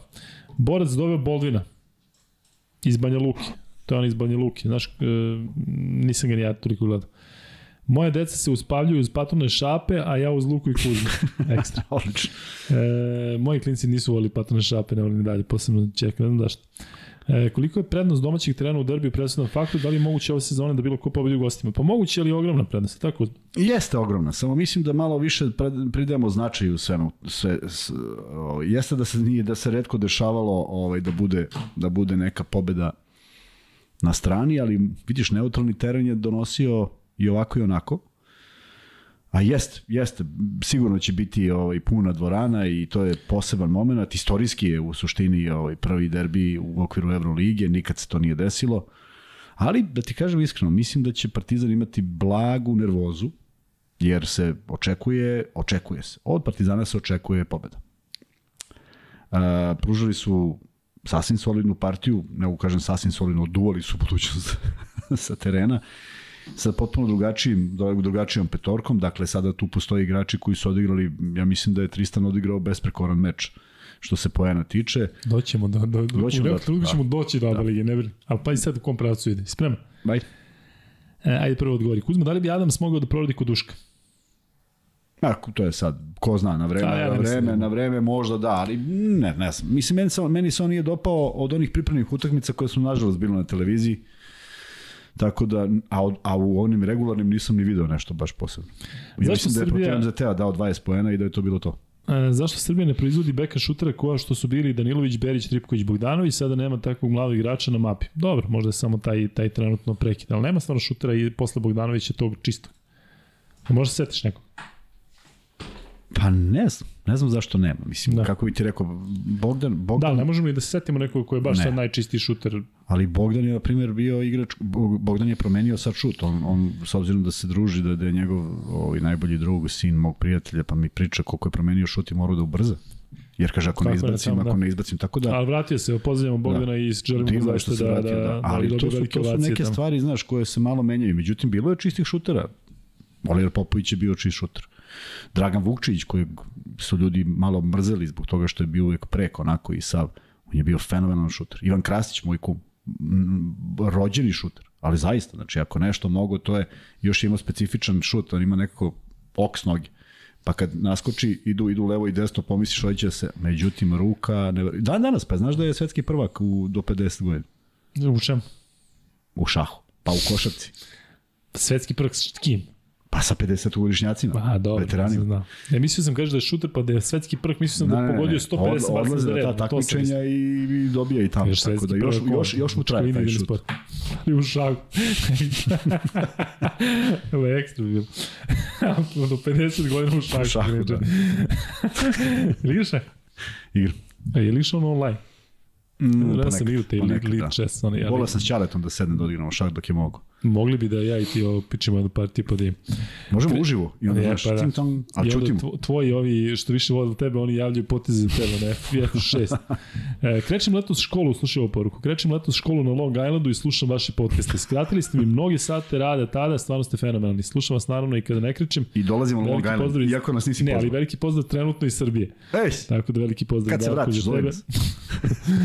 Kakva je praćenje kao onaj Fletcher McGee iz uh, SC? Da, dobar. Jeste, jeste. Pa da, uvijek sam skeptičan da se kaže da li bi se snašao nekom jačem Ma jok, desno. ma nemojte ljudi to uopšte da, da pomišljate. Opet pitanje da li bi treba da li treba pustiti Zvezdu u, u Zvezdi navijače sada na derbi, rekli smo već to. E, pitanje ponovo za ovo smo prošli. Borac potpisao Dionte Boldvina, da, to su već rekli. E, Zoran Jovanović ovde se postavljaju Guze Janković, Zoran Jovanović, Oliver Popović. O, Zoran Ivanović kad se pojavio, čoveče. Pritom, niko ne zna kako je Zoran Ivanović izgledao kad je otišao iz OKA Beograd. On je bio krilni centar, Mrša Mršić. I on ima strahovitu povredu. Ja mislim da sam vraćao nesreću imao i oba kolena i nagojio se i potpuno se vratio sa drugačijom fizionomijom. Ali, Zoran Ivanović je svetski prvak iz 90. Ne zaboravite. Da, da. A koliko metalaca ima među košarkašima? Ja sam bio metalac, kad su svi bili zelaši, bio sam metalac. Dakle, sećam da sam u Bezistan išao da kupujem majice Mame pošalje i kaže, ajde vidi koliko je majica, pa onda ja peške. Je to predlog za himnu metalaca i zenice? Da. Ove, e, a kod skrca su se kupovali one kasete, pa sad da su me čak terali, sam dolazio ono 20 puta da odaberem jednu kasetu, pošto je toliko para bilo, ali prvi moj odlazak u grad je bio kada sam kupio kasetu Plavi omot Use Your Illusion 2 uh, Guns N' Roses, koji mi je Promenio život. Pa ne može da Kad sam došao, kad sam pustio tad mini liniju, kupio Ćale na ona Antina godina, bila je aktivna mini linija do pre nekoliko godina. Nedavno sam slušao Civil War. Ajde nek, nek neko ne bude lenj, pa kad bude se završilo sve ono što pričao, neka, neka može i da odsluša, ali i da pročita o čemu, kako, kako fantastične ovi, reči su se nalazile na celom tom albumu. I Metalliku sam volio Iron Maiden, ali čak i, i Nisam malo nešto. Daleko.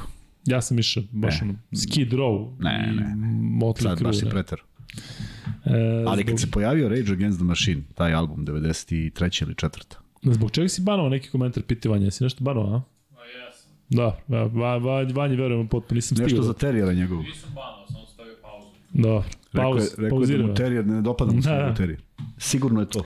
Rekao je, evo, e, Sladeković rekao je da je svodna, jeste svodna. Tamo je nam je ostalo, odnosno moj porodić je ostalo neko majstoro brdo, neke silne šume, ne znam šta, niko neće dole tamo.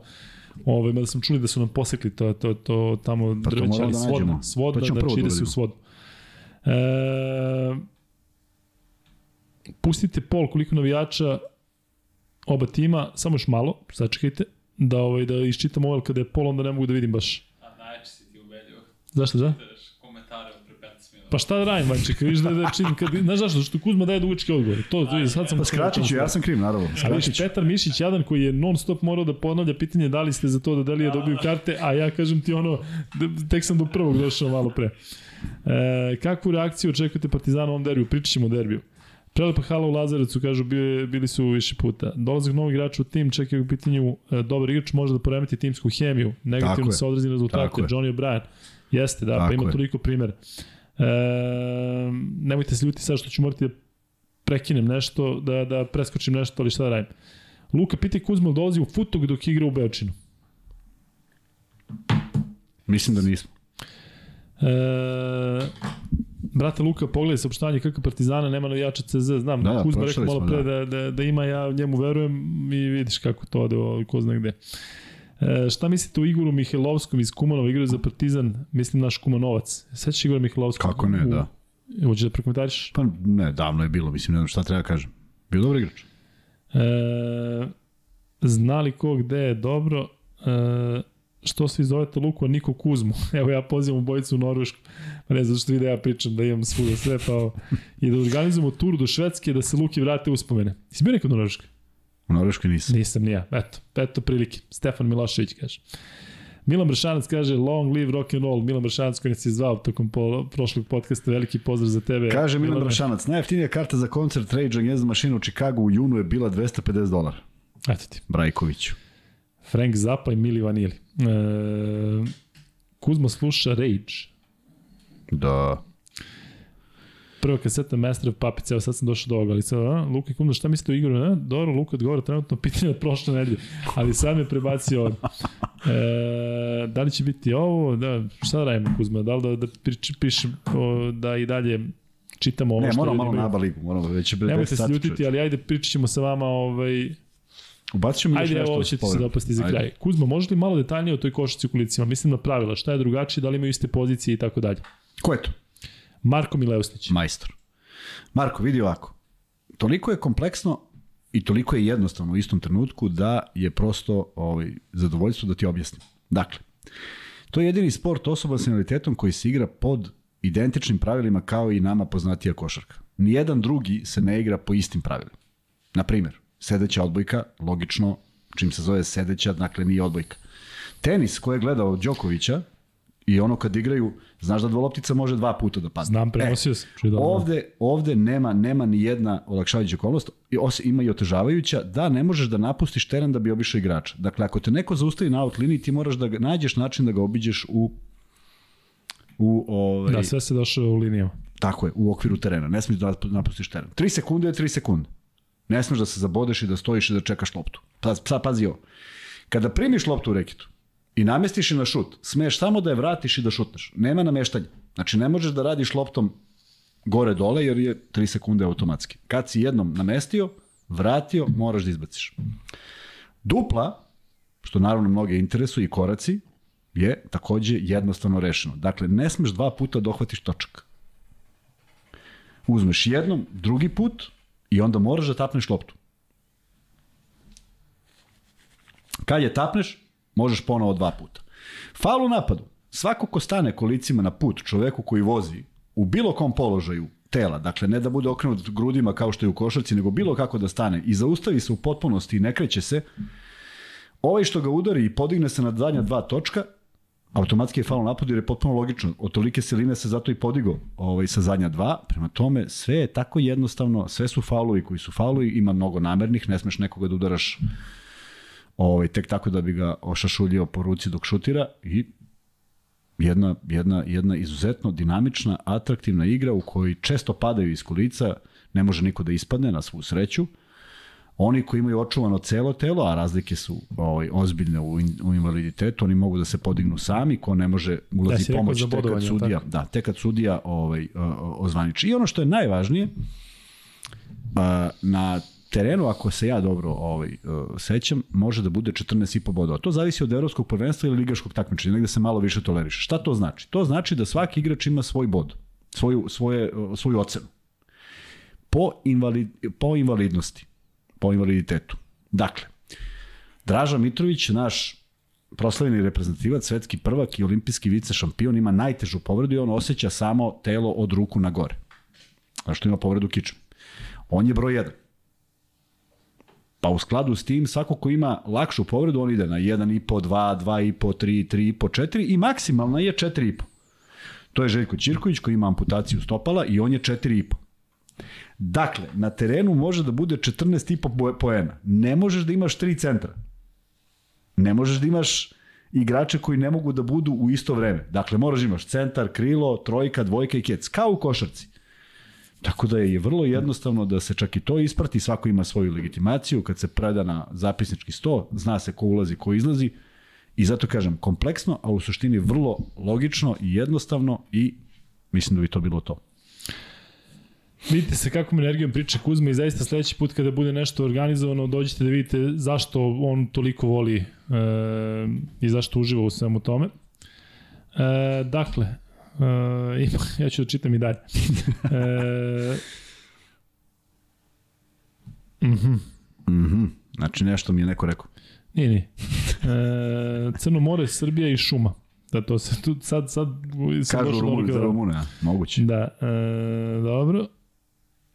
Pozdrav, braćo, sprečen sam da gledam podcaste zbog studija, a posao u noć, nažalost. Posebno pozdrav za Kuzmu, kog sam ubio dosade na Insta, setit će se on naravno. E, dobro, pozdrav iz Saint Etienne. Znate li gde se nalazi Miroslav Marković, KK Kosovo polje? Ne, Ne. znamo. E, zanima me Kuzmino mišlje, da li sledeće sezone vidi u Zvezdi Frejzera ili Valinskasa iz FNP-a? Ne, E, da li ste poslali dres Lua Williamsa, nismo još. ne. Hej Luka, urer, Odgovaram kratko urer kako si mi rekao. čekaj, ide švedski. Urer det med doj, e, odnosno ur er det med di, försök svara på svenska. Jag kan förstå det jättebra, men så bra. Evo, obrem ovdje. Ovo, Vrši rekord Da. u brzini izgovora švedskog. tako je. E, šta kažete na transparent na Partizanovoj utakmici? Jesi vidio neki transparent? Nisam vidio. A, neko, ako misle na onaj da traže da igraju domaći igrači. Aha, Ne znam, ne znam da li je taj drugi, da, nisam to sam vidio. ja negde pročitao. Do kada će se Euroliga prenositi na sport klubu, ne znamo. E, uf. Luka, kada ćeš jedan na jedan sa Kuzmom? Pa ili smo mi malo, šutirali smo bili. Ovaj, Ali nismo snimali. Tako je. Srećom nismo snimali. Tako je. Da li glas konačno zdrav? E, Izgleda jeste, Jeste. delo je da je odigrao, da. E, koliko dugo će Davis igrati na MVP nivou? Boga mi Vanja kida. Znači, kako smo ga, kako smo ga pljuvali pre mesec dana, ovaj, da li je gledao ili šta je bilo, ali ne da kida, nego neko je napisao da treba se vrti Lakers oko njega baš apsolutno pa oko koga drugog. E,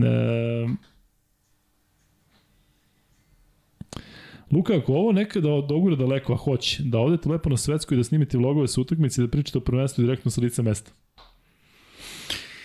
Pa, Ja smeš da pričaš? šta? Višta. O tome? Pa da, kakvi su nam planovi tamo. Nećemo još to.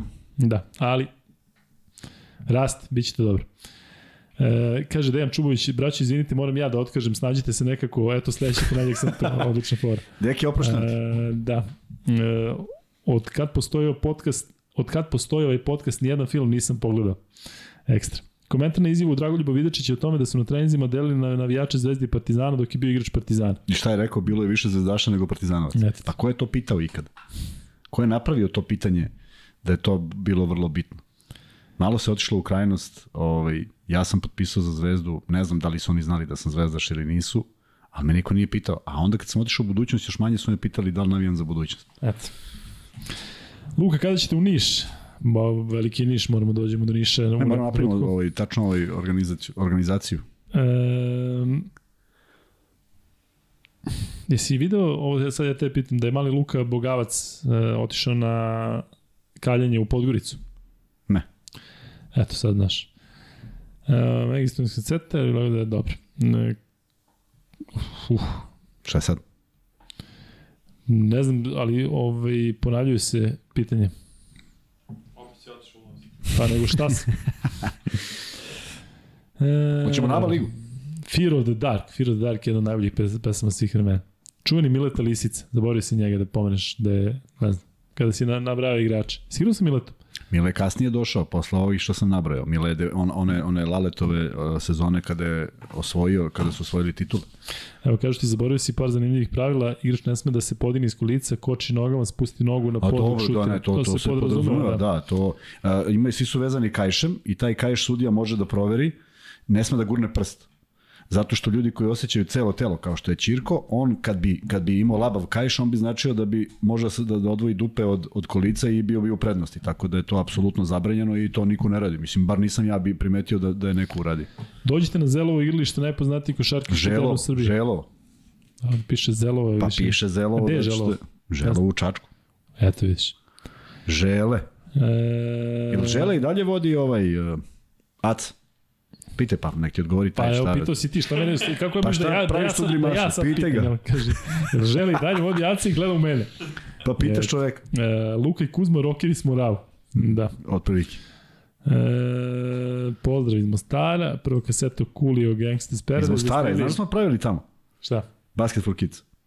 E, mislim da si im pričao. Potpuno sam ludilo. Potpuno ludilo da se ulica Alojzija Step- Stepinca uliva u Maršala Tita. Jedna ista ulica, ali možda veruješ. Nevjerojatno. Možda neko, možda se sprda neko. Šta se sprdao, tako ide. Pa, mislim, možda i slučajno. E, prva kaseta, dobro. E, ne znam da ste videli ono kad je ona vojiteljka rekla, kad je umro Kulio, Bog da mu duši prosti. Joj, kad je rekla Da. Gangsta Paradise. Da. Pa Gangsta čoveč, Paradise. Gangsta Paradise je odsustvo. Mo... Si video ti natpis Old Village? Yes, pa pokazali. Pa da li, Da. Old Village Unit. Museum. Da, museum. Čirilicom na znaku, na, na, na putu. Da, da. Ne, ne znam, majke. Kuzma se iznervira. Pa kako da se ne iznerviram? Luka, misliš da Partizan i Zvezda imaju ekipu za top 8? Ja se nadam Ko da će igrati 8? jedan. Zvezda i Partizan. Ma ljudi, to, uh, gledaj, uh, mi, mi stalno idemo u neka očekivanja i pravimo grešku. Evo, vratili su ovi futbaleri, pogledaj kakav se futbal igra. Nismo prosto dorasli tome. Nismo bili spremni i super što smo tamo. Što smo među tih, tim reprezentacijama, dali smo svi želi više, ali mi smo očekivali da oni budu bolji. Ok, ima tu negde ono, mi sad uh, želimo više nego što možemo. Neki realni ljudi su pričali realno. I onda Zvezdu i Partizan ubacimo u takav, takvu mašinu da oni osjećaju ogroman pritisak da nešto moraju. A ko, ko ne bi voleo više od tih igrača? A da li je dovoljno? Otkud znam? Evo da mi je neko rekao da je Žalgiris što je napravio tim da je dovoljno da budu sad sedmi, osmi, ja bih rekao da, da je nemoguće. A vidiš da je moguće. Da je neko rekao da će Zvezda imati tu, taj niz pobeda, ja bih rekao da je nemoguće. Jer sve ono što smo gledali, dakle, tu se nađe neke, ne, ne, nešto se nađe, napravi se neka hemija, neko odskoči, neko, neko napravi nešto što niko nije očekivao, ali samo da im ne stvaramo pritisak da nešto mora. Ja mislim da oni žele da pobeđuju i da igraju što bolje. Ako nemaju taj motiv, onda, onda mi nije jasno šta rade uopšte. E, pozdrav svaki put kad vas gledam uspavljujem bebu, pomislit će dete da živite sa nama. Divno, divno Milane. Prepoznaće na glasove E, kad se zašto sretnu. mislite da Magi ne bi prošao, prošao dobro u nekom jačem klubu, pozdrav iz Splita? Pa zato što je malo tih primera da iz tih manjih klubova su došli u veće klubove i pokazali se. Govorim kad govorim manjih klubova, mislim oni koji su finansijski manje ja, jaki u, u ABA ligi. Evo baš možete da podsjetite nas ko je recimo došao iz manje kluba u Zvezdu Tako je. Partizan i napravio, napravio može, isto jako nešto. je teško, A jako znate teško. kako smo se svi, šta smo pričali o Russellu na početku sezone, pa ćemo vidjeti. Um, može li treći free bet da bude donirani tiket? Kuzma, može li? Šta radimo? Treći free bet, da li može da bude donirani tiket kao što smo imali ranije? Pa može, naravno. E, da. Nek me ovde zezda za scrollovanje, moram da pronađem o čemu se radi. I kaže dajte stvarno treći free bet u humanitarne svrhe. Hoćemo, Baš. pravimo da, da zajedno free bet. E čekaj, kad smo već tu, ja sam ubacio, Vanja, koga sam ubacio? O, zamolili su me i naravno da sam to uradio, ali naravno i to iščezne samo sekund. Evo ti Russell večeras protiv Zadra, 37 Da, da, pojena, 11 nevjerovatno, asistencija, nevjerovatno. koliko? Tako je. Da, za Ogije. Tako je, samo samo da nađem, naći ja ko mi je to poslao. Luka poluda od komentara, blizu je Uroše. E, kaže, evo da, pošto smo uvek prokomentarisali, pravo i sada, Zanja, Zanjin, ne, ne, nije za Ogija, Zanjin osmeh, to sam okačio na grupu, pa sam obećao da ću danas da pričam o tome.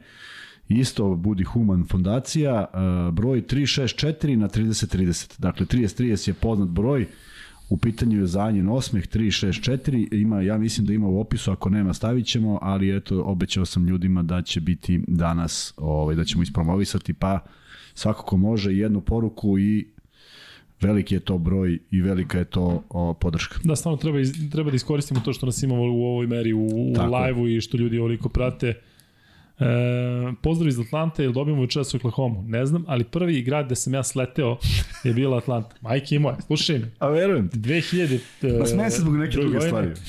I slećeš na, na, iz Pariza, Pariz Atlanta i Koje godine? 2002. O, I slušaj sad ovo. Kaže kao, ja rekao, pa kada nađemo ovaj gate, kaže, pa ideš kao metrom ovaj, na, na, na aerodrom. Pazi, metro je tad bio, znaš ti šta metro nisam znao da postoji ovako, kamoli inače. Još si ti mlad, I- ja sam sleteo u New York 87. i gledao, i letimo iznad JFK-a ujutru. I vidiš grad koji si gledao samo na filmu. Lepo. Potpuno nadrealno. Dobro, u Njujorku, jesi sletao, sletao samo na JFK ili si, u, u, si bio... Ne, letao sam posle JFK New York, pa New York JFK Ne, ne, malo nego da. La Guardia ili, ili oni New York. Ne, ne, Ja nisam sam New jedno par York, puta La York, Guardia. da. Ne, ne, ja sam sleteo na JFK i desetka je letela. 10, 10. Desetka je letela, da. Da, da. Na, jedan od najgorih momenta u, u mom uh, letačkom uh, Iskustvo. iskustvu je bilo kada, to nije bilo toliko davno, pre možda nekoliko godina. Dakle, u posljednje vreme iz nekog razloga, posljednjih 10 godina, ne volim baš da putujem aviona, 10-15 godina, ne volim da putujem avionom i uh, letimo Air Srbijom, Air Srbija mislim da je bila mogla da bude Air Srbija, i taman polećemo iz Njurka i sad odmah si na, na, na, na okeanu. I sad ne, m, bilo neka grmljavina, mrak, neka katastrofa. Pritom ovaj, ja potpuno sam tamo u onom zadnjem delu. I ovaj, ja imam tad, eh, stavim Michael Jackson, onaj thriller album, ali, ali balade, stavim da se smiri. I odjednom drama, znaš kako obično kažu, sačekajte, stavite ovo, ten, ten, ten, bit će turbulencije, pripremite se, A ovo? nastava. Brzo stavite pojase. Šta je ovo? Ja se ne odvezujem, nisam lud. I, I kad je propao, rekao, jaoj, gde si, kako je Mute rekao, pilot. Pilot. Ti Ja nisi smeš da normalan, bre. Pa je izvređao ga, pošto je Da. pravio lupinu. A mi je rekao mu je nešto, mu je Da, rekao. da, ovaj, rekao, ko ti dade da voziš? Pošto I mu to nešto zna tačno kako se vozi. Kažu da ide, ima anegdota za Partizan, kad je, kad su mu, ono, stanite do posljednjeg, ono, tre, kako ono, do posljednjeg trenutka, kako ide ono? Kako? Do potpunog prestanka rada motora. Da. A naravno, Muta je ustao, kad je avion zakočio, kad je odleteo, kaže, kroz sve one redove prošao. Nisam bio svedok, pa ne znam, ali su mi pričali. A ovo sam bio. Da li može sjedići u košarku igrati i ljudi koji nisu invalidi? Pa teoretski mogu, samo što... To je taj najveći 4,5, je li tako? Da. Ne, ne, ne, tu ima, tu su svi validi. Samo ne mogu da budu paraplegičari. Prosto Da. ne mogu da sede. Kaže, Gagi gleda podcast i smeje se. Pa vidim da se više tušira nego što se smeje. Luka, pa vi pravite turneju kao neki bend. Tako Da. je, ponećemo instrumente. Kaže, ovaj švedski jezik ko albanski. uh, ovaj, dobro. Kaže, zaslužio sam free bet zbog ovog pitanja o pravilima. E, jeste, svaka čast. Ali je, to stvarno... Izvini, da kažemo, hvala Kuzmi što promoviše košarku u kulicima. Veliki pozdrav iz Klagenfurta od Saša Lakića. Saša Laki sudija. A tako? Sudija košarke u Eto, kulicima, da. Hvala, hvala Sale. Ali vidi, to je, to je ovaj, sve ovo što ti ja ispričam, ti to sad kao negde zaključiš, međutim kad dođeš da vidiš to stvarno, i kad bi, ja bih volao da mi možemo napravimo spektakl kako i prave ovi momci o kojima sam pričao, ovaj, ali to videti na tom nivou kad igra naša reprezentacija, e, to je onda potpuno druga priča. E, Luka Scroller kod Miša ne ide u H, nije ti to menjač, prestani da preskačeš komentare. Lagano ko sa ženom. E, dobra fora. E, s obzirom da je istorijski derbi u Euroligi, bilo bi okej da Kuzma dođe u zvezdinom dresu, a Luka u Partizanu. Gde ja dođem? U Pa studiju? vjerojatno, A, da. veče, pa evo ga, ja imam dres ovde. da. Gde mi je dres? A, evo ga iza mene. Šta mislite o Charlesu Jenkinsu, postoji šansa da se opet vrati u zvezdu ili je njegovo vreme gotovo? Ma ne, Odslušajte Marenca, ma odslušaj kad je bio kod nas Charles Jenkins, ako nisi Ima, gledao, ima, da, momak je prva liga i ono što je. se meni dopada, to je što stvarno i dalje ima ono, iako se vide prošao pakao Jest, posljednje dve, tri godine, privatno, jest. on i dalje zaista je poseban kombinacija Jest. nekoga koji je super lik, dobar čovjek, a osjećaš respekt prema njemu. Jer ja zaista ne pamtim da si jedan stranac, posebno amerikanac, tako ovde adaptirao i da jednostavno Tako gledaš kao svog. I znaš šta, strahovito bi mu bilo teško da se uklopi u ove treninge, da postigne Ne, tu da, željenu nije- nije formu, to, prosto to. nije to to i treba znati kad malo ovaj, olabaviš. Evo šali se top, kaže Cory Walden je došao iz manjeg u veći klub. E, malo pre kad sam pitao ono. E, sećate li se Vlade Vidočića iz Partizana, bio veliki talent kao malo se Kako negdje ne, izgubio, da. pa da se ne sjećamo Vlade Vidočića. E, Kuzma zaslužili Andjušić veću minutažu u Partizanu u Partizanu. Ja uvek. mislim da da, i meni je žao onog dana kad je bio kod nas, kad nam je bio gost i kada se uopšte vratio, sećaš se da smo, to jest ne znam da li se sećaš, ali Luka, Luka i ja smo pričali o tome da su dva najva, najveća momenta Nedović i Andjušić. I dalje stojim pri tome, duga je sezona, ja bih volao da on mm, zaista svojom igrom zasluži. Uh, imao je bljestavi, blistavih momenata ovaj, u ovome, ali bilo je i nekih zaista čudnih momenata za njegovo iskustvo. Ja se nadam da će to leći zato što mislim da njegovo iskustvo u Euroligi i njegova zaista jedna onako posebna specifičan način uh, kako jednostavno nađe posao, posao kako je na- nađe poziciju za šut za tri poena i koliko je to precizno radio u prethodnim sezonama, mislim da Partizanu pravi Andjušić nedostaje. Šta je problem? Ja prosto ne mogu da znam. Biće to okej. Ja mislim da će biti Pa okej. ja se nadam, da, ali ne, ne, negde Samo da postoji zdrav. neki problem. Da, samo da je zdrav, naravno. Pa dobro, možda mu stvarno nije planirana uloga veća od, do- mnogo veća od ove. Pa ne može, zato što ti imaš, vidi, to, je to je kad bi sve funkcionisalo. Imaš momenata kada su ozbiljni padovi Tako u, u igri onda treba neko da tu stane na loptu, ali kažem, ovaj ne dešava se to. Međutim ono ono što ono što možda Partizanu nedostaje to je neko ko je potpuno podređen timu. I ti kad imaš jednu izuzetnu, što bi Darko Plavšić volao da kaže, izuzetno potentnu petorku, ti stvarno nemaš ko da odradi taj prljav posao. Ja ću ponovo da pitam, da li je Duško Ivanović isto malo skrenuo što mu ovaj, eh, 20 minuta igra Lazić. A ti jednog igrača ne vidiš u svom elementu 20 minuta. Pa to je već dovoljno dobro. Pritom, jedan ćošak, drugi ćošak dao ne poene. Pa to je to. To je to. Pa ti onda uđe, pa ti onda uđe Lazarević koji radi to isto. E, pa uđe Stefan Marković. Najbolji igrač ekipe sa dva poena. Kad se to desilo? O tome pričamo. To su sve kvaliteti koje oni posjeduju i koje mora jedan tim da posjeduje da bi imao vrhunski rezultat. I nikome neće ubediti da je drugačije, a govorim iz ozbiljnog iskustva jer sam nekada igrao prvog, nekada drugog, nekad petog, nekad sam bio izmena, nekad sam bio šta god i sve sam to prihvatio i radio svoj posao. I mislim da sam ga radio odlično. Kuzma, naravno pitanje odgovori, molim te sa da ili ne. Da, E, pitanje za Kuzmu, kako mišljenje kao košakašu ima o Grušanoviću? na majstor. Hvala. Čovjek je bio apsolutni majstor. Od skoro vas pratim i tek u prošlom podcastu sam video kako izgleda Vanja. Pa da, Vanček su u posljednje vreme manje jalje. Luka, samo nemoj više da u Americi jedeš banane. To je ona fora sa, Sad kad su me jest. napadali ovo. Luka, koliko ti je trebalo brodom preko Atlantika? da. Jel dolazi Dragan? Ne dolazi doći. E, pitanje za Vanju i Luku, kako komentarišu igru Lavarada sinoć protiv Denvera i generalno lošu odbranu Denvera i Bekova. Dobro, to je jedna utakmica, dao je 38 Hoze i verovatno neće više nikad dati. Uz poštovanje svega toga što radi i, i novog što je uneo u ligu sa onim sa onim što, sa onim što se krije. E, veliki pozdrav iz Gotovuše, veliki pozdrav za Gotovušu. E, Šta mislite o novom centru Partizana? Dobro, Brođanski još uvijek je rano da se priča, ali ima prilike. Da, vidjet ćemo. Komentariš li Kuzma derbi u četvrtak? Po mojom mišljenju treba jedan grobar, jedan delija. E, dobro i dobro i to je otprilike to. Mhm. Luka fali play Partizanu onako kao kada je bio Mekele, pa naravno da takav, takav play Taka fali, fali svima. uvek.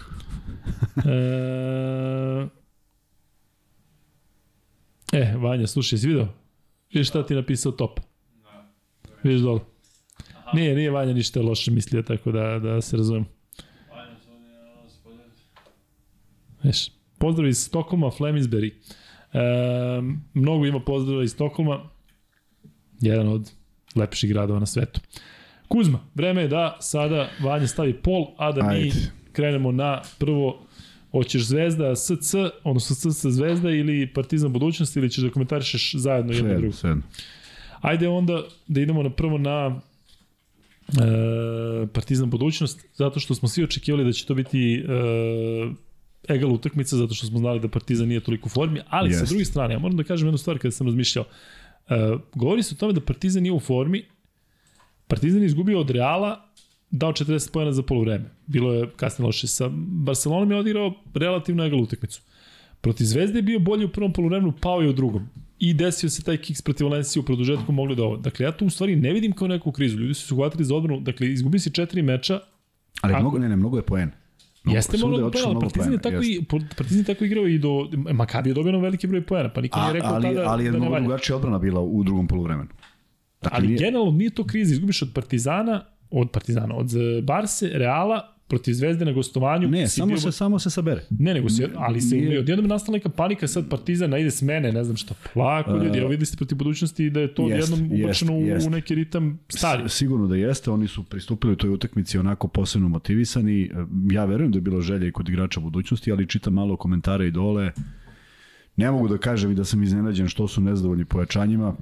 Prosto ja taj klub zaista doživljavam, imao sam jako lepe godine dole i dan danas kad odem dole i meni je žao kada naprave nešto što mi ne liči, u startu mi ne liči na nešto ozbiljno, da li je to i zbog novca ili čega god. Potpuno, Možda nije dobro zvati se Vlade Ivanović ove godine i da trenuješ. Ne, u- nije, nije godina za vlade. Da.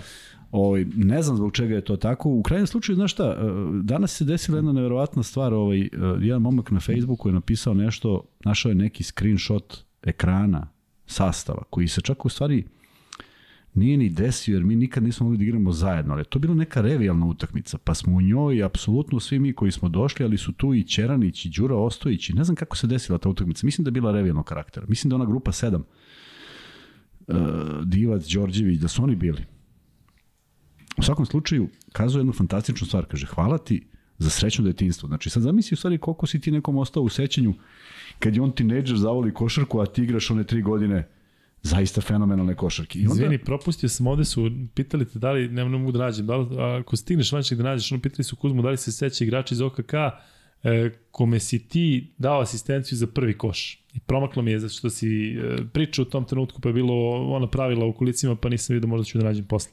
Dakle, da si nekome ti dao asistenciju za prvi koš, neka napiše ponovo taj ko je, ko je napisao Ajde. pa, pa ćemo da vidimo. E, vrati se E. I onda, i onda, znaš, ti svak, svako, svakako si nekom obeležio nešto u nekom periodu i oni to i dalje pamte i tu ljudi koji se sećaju te košarke, zaista smatram da je taj tim uz poštovanje svega što su Partizan i Zvezda uradili u posljednjih od tog perioda, da je bio nenormalno jak. Dakle, mi smo stvarno bili bilo je zadovoljstvo igrati sa tim igračima kad smo se skupili nas 10, jer je takvo bilo pravilo da samo 10 mogu da igraju, pa su tu bili još Blagota Sekolić, Bojan Bakić i Balša Radunović kao mlađi, ali nas 10, tu je bilo 8 reprezentativaca. Deo i Vulje i Gaša su bili na priprema, nisu prošli.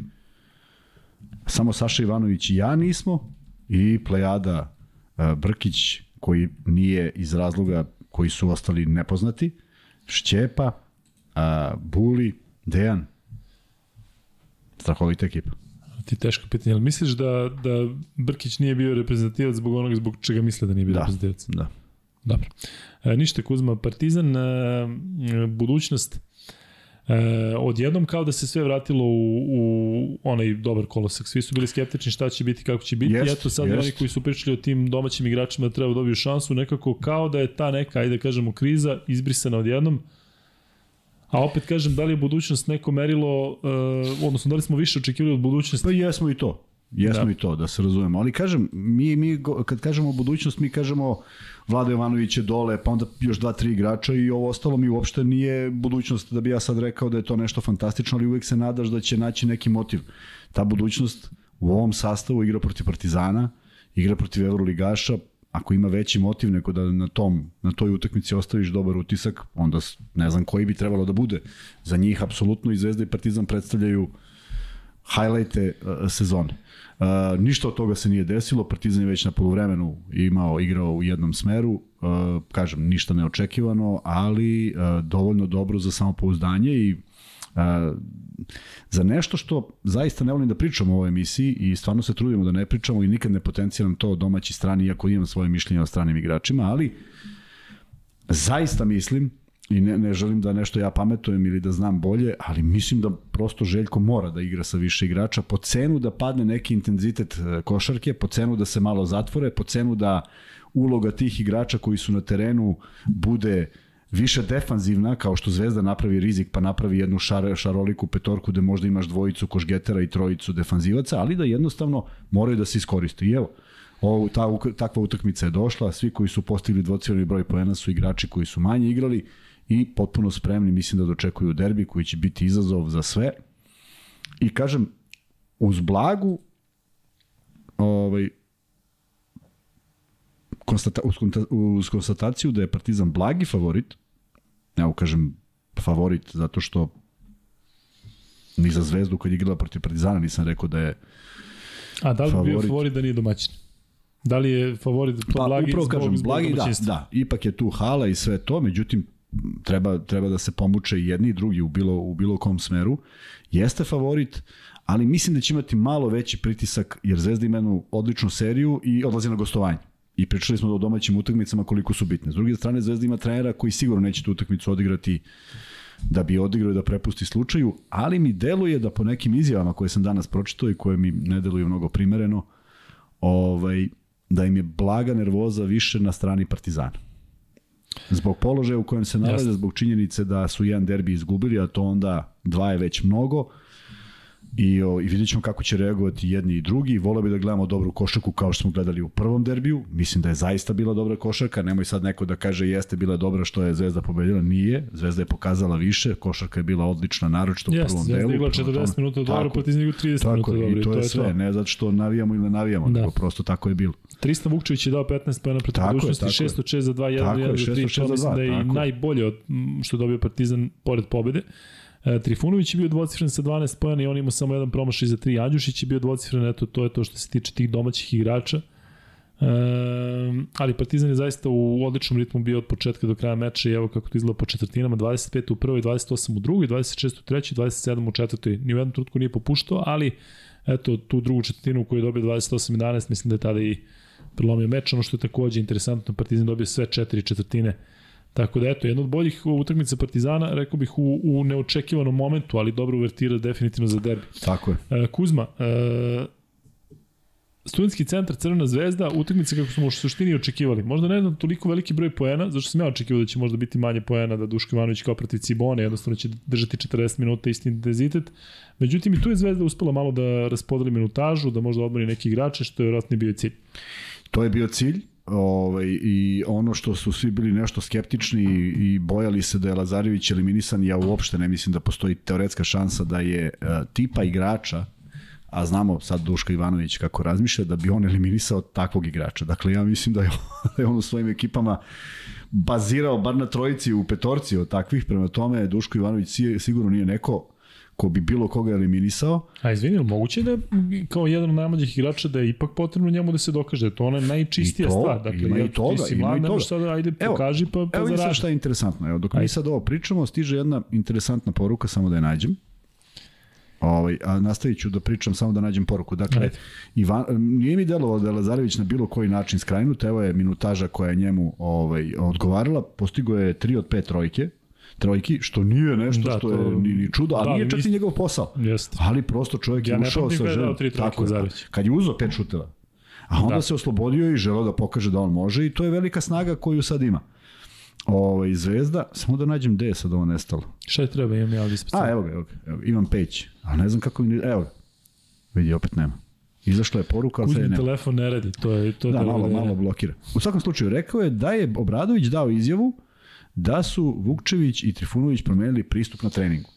E, da. To su neke vrlo bitne stvari koje mi kao gledalci ne možemo da znamo. Otkud mi znamo kako izgleda trening i da li je ovaj izbačen s treninga i da li je Obradović ili Ivanović rekli 200 puta jednu stvar, a on 200 puta pogrešio, ne možemo da znamo. Dakle, to nisu treneri koji će da progledaju nekom kroz prsta jer neće dobiti to na terenu.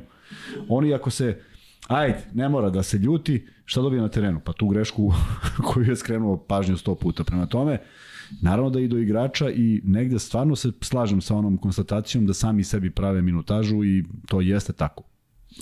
Nema, ne može drugačije. Ehm, da, dobro, Zvezdina petorka je bila onako, ajde da kažem, e, očekivana, ali kasnije smo ipak videli to je tu raspodelu minutaža. Ovo što, što su ostali Holand i Raduljica u Beogradu pa su stigli da dođu i na ovaj turnir invalida. Reci Da, mi, je li to neka poruka ili nešto e, da možda Holand nije baš da će da bude u 12. U smislu, nije ostao zato što je, što je nije povređen, tako? Jesi očekivao da Holland ne ide, u, zašto sam ja recimo očekivao da će on sada protiv studentskog centra dobiti 25 minuta. A, Tako ja sam sećao da sam rekao da će Lazarević najvjerojatnije igrati protiv studentskog centra. U ostalom dobili smo dojavu da Holland dolazi. Da, da, to nismo znam. Šalim se, nisam tada znao da Holland dolazi. Bilo mi drago što su došli oni Raduljica, jer ti ne možeš da shvatiš koliko to znači ovim igračima. Dakle, oni koji navijaju za zvezdu, ve velika većina i gledaju te igrače i sad odjednom ovi došli a gledaju njih, makar da se pojave, pa je već ovaj, fantastična stvar. A eto, da samo vratim malo kad si opet se vratio na košarku u kolicima, znaš ko ih je sve gledao? Ko? Pa i sad ovo. Saša Pavlović, Igora Kočević, Žarko Paspalj, Ratko Vard, Miško Marić. E sad baš ako nekog zaboravim, ali Žarko Čabarkapa. Dakle, zamisli oni sede i igraju te neke svoje turnire, a u publici Da, da. Znaš, on, on, oni za koje si do juče navio. Prema tome je fantastična stvar, a što se tiče Zvezde i Lazarevića, bio sam ubeđen će dobiti šansu, jer niko se ne odriče takvog igrača koji igrač zadatka, koji može donese potrebnu energiju. Neće on nikada doneti 20 poena u rukama. Možda, možda, a neće mu to biti prvenstveno uloga, nego će prvenstvena uloga biti da odradi dobar defanzivni zadatak. Verujem da Ivanović u tome uživa, mnogo više se nervira u tim fazama nego kad neko napravi grešku u napadu i to je prosto tako. Stanje na tabeli ABA Ligi je sledeći. Partizan ima 8-1, FNP ima 7-2 posle ovog poraza protiv Zadra, Zvezda ima 7-1. CDVita Olimpija ima 6-2, što je za njih pohvalno s obzirom na to kako igraju u Evrokupu. Budućnost, ovo što je Kuzma pričao, dakle, mučenje prilično, e, ne mislim tu naravno zbog poraza od Partizana, ali jednostavno skor 5-4, mislim da su očekivali bolje. Gokeja ima isti skor 5-4 kao i Zadar, studentski centar je trenutno na toj osmoj poziciji, poslednji koji vodi u play-off, ima skor 4-5 kao i Monar iz Brara, koji je u ovom kolu, odnosno danas pobedio Split. Da. Mega 3-9, 3-6, pardon, i Borac 1-8, Da. naj, najgori na tabeli, odnosno Da, poslednji. borac zaista neočekivano. Da, tako da eto vidjet ćemo šta će doneti ta e, promena trenera. Elem, Kuzma, e, mislim da je vreme da pređemo na ovaj derbi, Koji ali sa, nekih, sa nekim konkretnim stvarima. Ajde. Reci mi, e, prvo, da li ovde može da bude sada nekih iznenađenja? U smislu kada smo već ušli ovoliko duboko u sezonu, da sada Duško Željka ili Željko Duška iznenadi nekim igračem ili nečim konkretno što se tiče taktike ili bilo čega. Pa ajde ovako. Posebno ako uzmemo obzir derbi koji igram Evo, 50 pa da, da, sad da nešto novo, baš tu, to može da. Da. bude neka minijatura i možda neki out, nešto što neko neće očekivati. Može da bude i neka promena zone, promena odbrane, jer vidio si da, da ne samo više, svi reaguju jako, jako loše na promenu odbrane. E, nekoliko puta je a, Virtus stao u zonu. Svaki put kad je Zvezda bila out, boga mi, ne jednom, što bi moglo bude iznenađenje, nego svaki put je bio problem da se organizuje napad, što jeste. Ali Međutim- kod Skariola to nije iznenađenje. On voli da iz protivničkog time outa slažem se. trenera uvijek da, Slažem da a zonu reprezentacije svuda. tako, Tako, da e. za njega se zna. Tako je, ali hoću kažem, privikavanje je kada se promeni. Ja sam čak negde dugo razmišljao i zato sam i voleo ovaj, a, neke te a, sporiju košarku. Gledaj zbog čega. Uh, kad se igra brzo i sad ovo svi se svo, sve se svodi na pik, čak se nekad ni ne primeti da se promeni odbrana, što je ironija, ali prosto ljudi ne primete. Uh, mislim da smo u Beobanci imali kad pas ode desno, igramo čoveka, kad pas ode levo, igramo zonu. Znaš si koja je koncentracija potrebna i kako to zbuni Jer da. ekipi je svejedno da je levo, de, desno i levo, kad ode levo odjednom, odjednom ogroman problem. Sad, ja bih volio da to postoji i danas. Kao što me je oduševilo, da su čak, da, da, mislim da je to Zvezda bolje radila, ali volim da vidim na utakmicama udvajanje sa čelne linije, to je radio i Partizan. Ali gde je Partizan pravio grešku? Lede je bežao sa loptom na unutra kada ga juri čovek sa čelne, a Partizan je pravio grešku jer je udvajanje bilo pre korišćenja driblinga visokih igrača, pre svega Bentila i onda se onako lako nađe rešenje. Tako da ima tu dosta takti, takti, taktičkih nekih stvari koje mogu da, da ovaj, iznenade, ali da li će biti sad nešto spektakularno gde će jedan i drugi da se šokiraju duže od, do, do prvog time outa, never. Da. E... Šta li si čitao i šta li ja, si ovde čuo? podsjećaju na jedan moj e, Gaf. Na komentator kad sam bio futbala. USA Meksiko prošle godine, 6 ujutru, ludnica na terenu, Luka kaže, sad ovde neki moji komentari, da, ono jeste bio zaista specifičan meč, ako se vrame u onoj njihovoj um, panameričkoj ligi finale bilo, šta je li već bilo. E, Kuzma, što se tiče e, postava i svega, da li treba da očekujemo da mm, da nastave, recimo konkretno za Zvezdu, Nedović, ili su isti, isti odnosi snaga, dakle Nedović, Vildosa, tako, E, ovamo na drugoj strani Panter, Ledej, e, dakle, jel očekujemo da neko ko je možda sada e, pronašao formu ili je možda bio povređen da sada izleti. Poput recimo Andjušića zato što smo malo prepričali da njega čekamo. Ne, ja mislim da će petorka Partizana biti dosta slična, možda jedna izmena, ne znam ko, ali možda jedna izmena u toj da će biti korigovano, a Ali kad si tu već oko Papa Petrova, jel tu treba očekivati da on sada nešto on će želeti, on će želeti derbi odigrao dobro, da, on da. će želeti i to može da bude i ovako i onako. Znaš, um, ne ide mu, to je evidentno, ali ne ide mu nekim banalnim stvarima. Uh, I traži se, može da eksplodira, možda bude to ovaj, baš u tom trenutku. Uh, mislim da pokušava da povrati samopouzdanje i da povrati poverenje svojih saigrača i to je malo negde u odnim momentima kada treba da stigne rezultat, a on izabere da šutne, to nije baš podjednako drago svima. Ali mislim da neće biti nekih velikih korekcija. S druge strane, mislim da će Zvezda odigrati uh, sa, neće izlaziti sa Vildosom i sa Nedovićem u petorci, to sigurno. Uh, Ivanović je fenomenalno iskoristio Markovića, mislim da će ga koristiti i sada. Uh, Bude li Lazarević ili Holand, vidjet ćemo, moraće da ima i de defanzivne zadatke i tu mi deluje da, da je lakše ubediti Holanda da odigra dobru odbranu nego što će Željko ubediti Pantera da, i u krajnjem slučaju da li Panter treba da ima i da se lomi da igra Nemoj, tako. Nemoj, molim te Pantera na Holanda, to su teške, teške ovaj, uspomene. Da ti kažem, da li će, da, da, li će, da li će to biti to? Jer, jer uh, mislim da koliko god ovaj, pričali ljudi nešto i za, i, za, i za Markovića i za Lazića, što ja apsolutno ne podržavam, Mislim da to Partizanu nedostaje. I možda bi bili srećni da imaju tako dva igrača. Ono što te često pitaju za Jovanovića u smislu šta bi trebalo da se desi pa da ne iskritikuješ Markovića i Lazića, nego zašto, zašto što stalno ovde pitaju Ništa. zašto Kuzma brani da sve. Ništa. Da treba da recimo odnos prema igri bude drugačiji tako ko ti kažeš tako ovo nije. treba da ga ne zanima. Da. Treba da lopta ide tamo i onda on ne pokuša da stigne do nje i stigne i vrati je i kao to je jedna osvojena. Pa jeste jedna, ali to je to. Ali o tome su pričali ovde da ti ista energija Lazića sada i ranije. Da. Meni isto. I kod Ištene, i kod Ivanovića, i kod Ivanovića. Samo što je on stariji, što je on, nažalost, svojom igrom, koja je podređena kolektivu, doveo sebe da kad krene na ulaz, zaista nastane panika i svi smo svesni toga i to ne može da se sakrije. Ali kad on racionalizuje i kad dobije taj povratni pas i sa samopouzdanjem uđe da šutne, a sve više ima samopouzdanja, to završi u košu. Lazić nema čak ni loš izbačaj. Lazić ne šutira ružno pa da te nervira kako izbacuje. Lazić da. sve to uradi kako treba. I ta jedna trojka, jedna dvojka, jedna dvojka, jedna trojka. Pa vidi, Marković mora da izgubi bezboj lopti da bi me iznervirao. Eto, eto šta treba da uradi Marković. A ako, ako napravi pet asistencija, to je već 10 do 15 poena i sve u redu. E, dobro. I neću ih nikad kritikovati, ne zašto igraju u Zvezdi, nego zašto volim taj tip igrača. Ja sam obožavao Cimbaljevića s kojim sam igrao. Cimba je znao mnogo malo stvari u košarci, ali ta energija, pa prosto postaješ bolji s njim. Imao je 468 ukradenih po utakmici. Taj raspon ruku i taj refleks, to je bilo neverovatno. I ja zaista cenim te igrače jer znam da svako može da se nađe u toj ulozi.